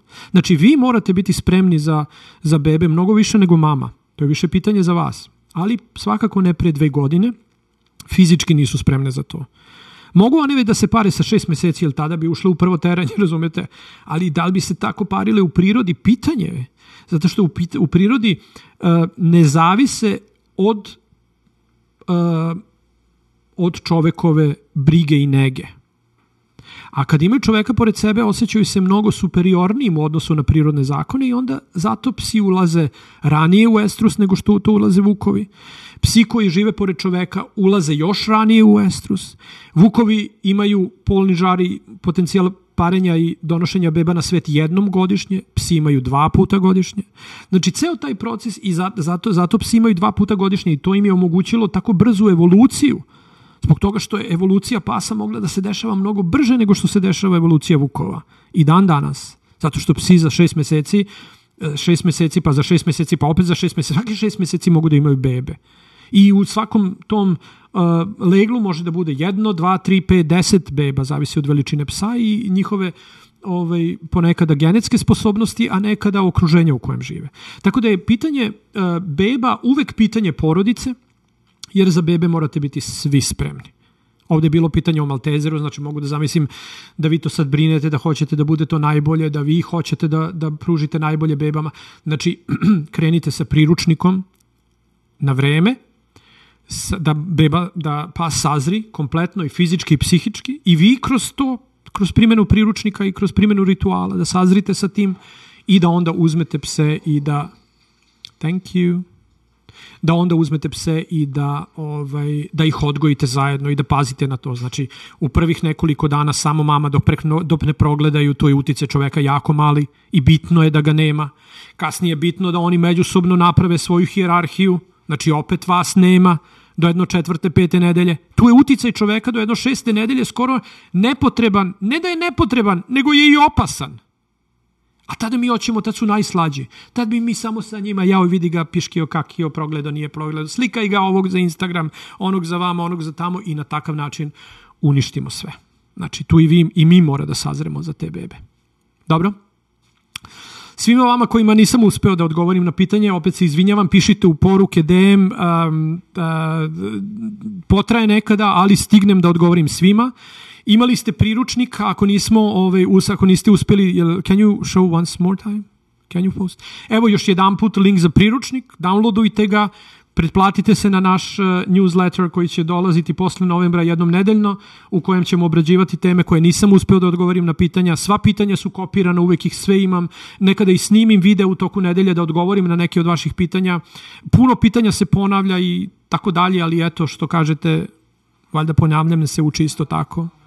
Hvala vam puno, pozdravljam vas do sledeće nedelje u 9 sati u novoj emisiji. Sve što ste hteli da znate o psima niste imali koga da pitate. Laku noć i prijatno.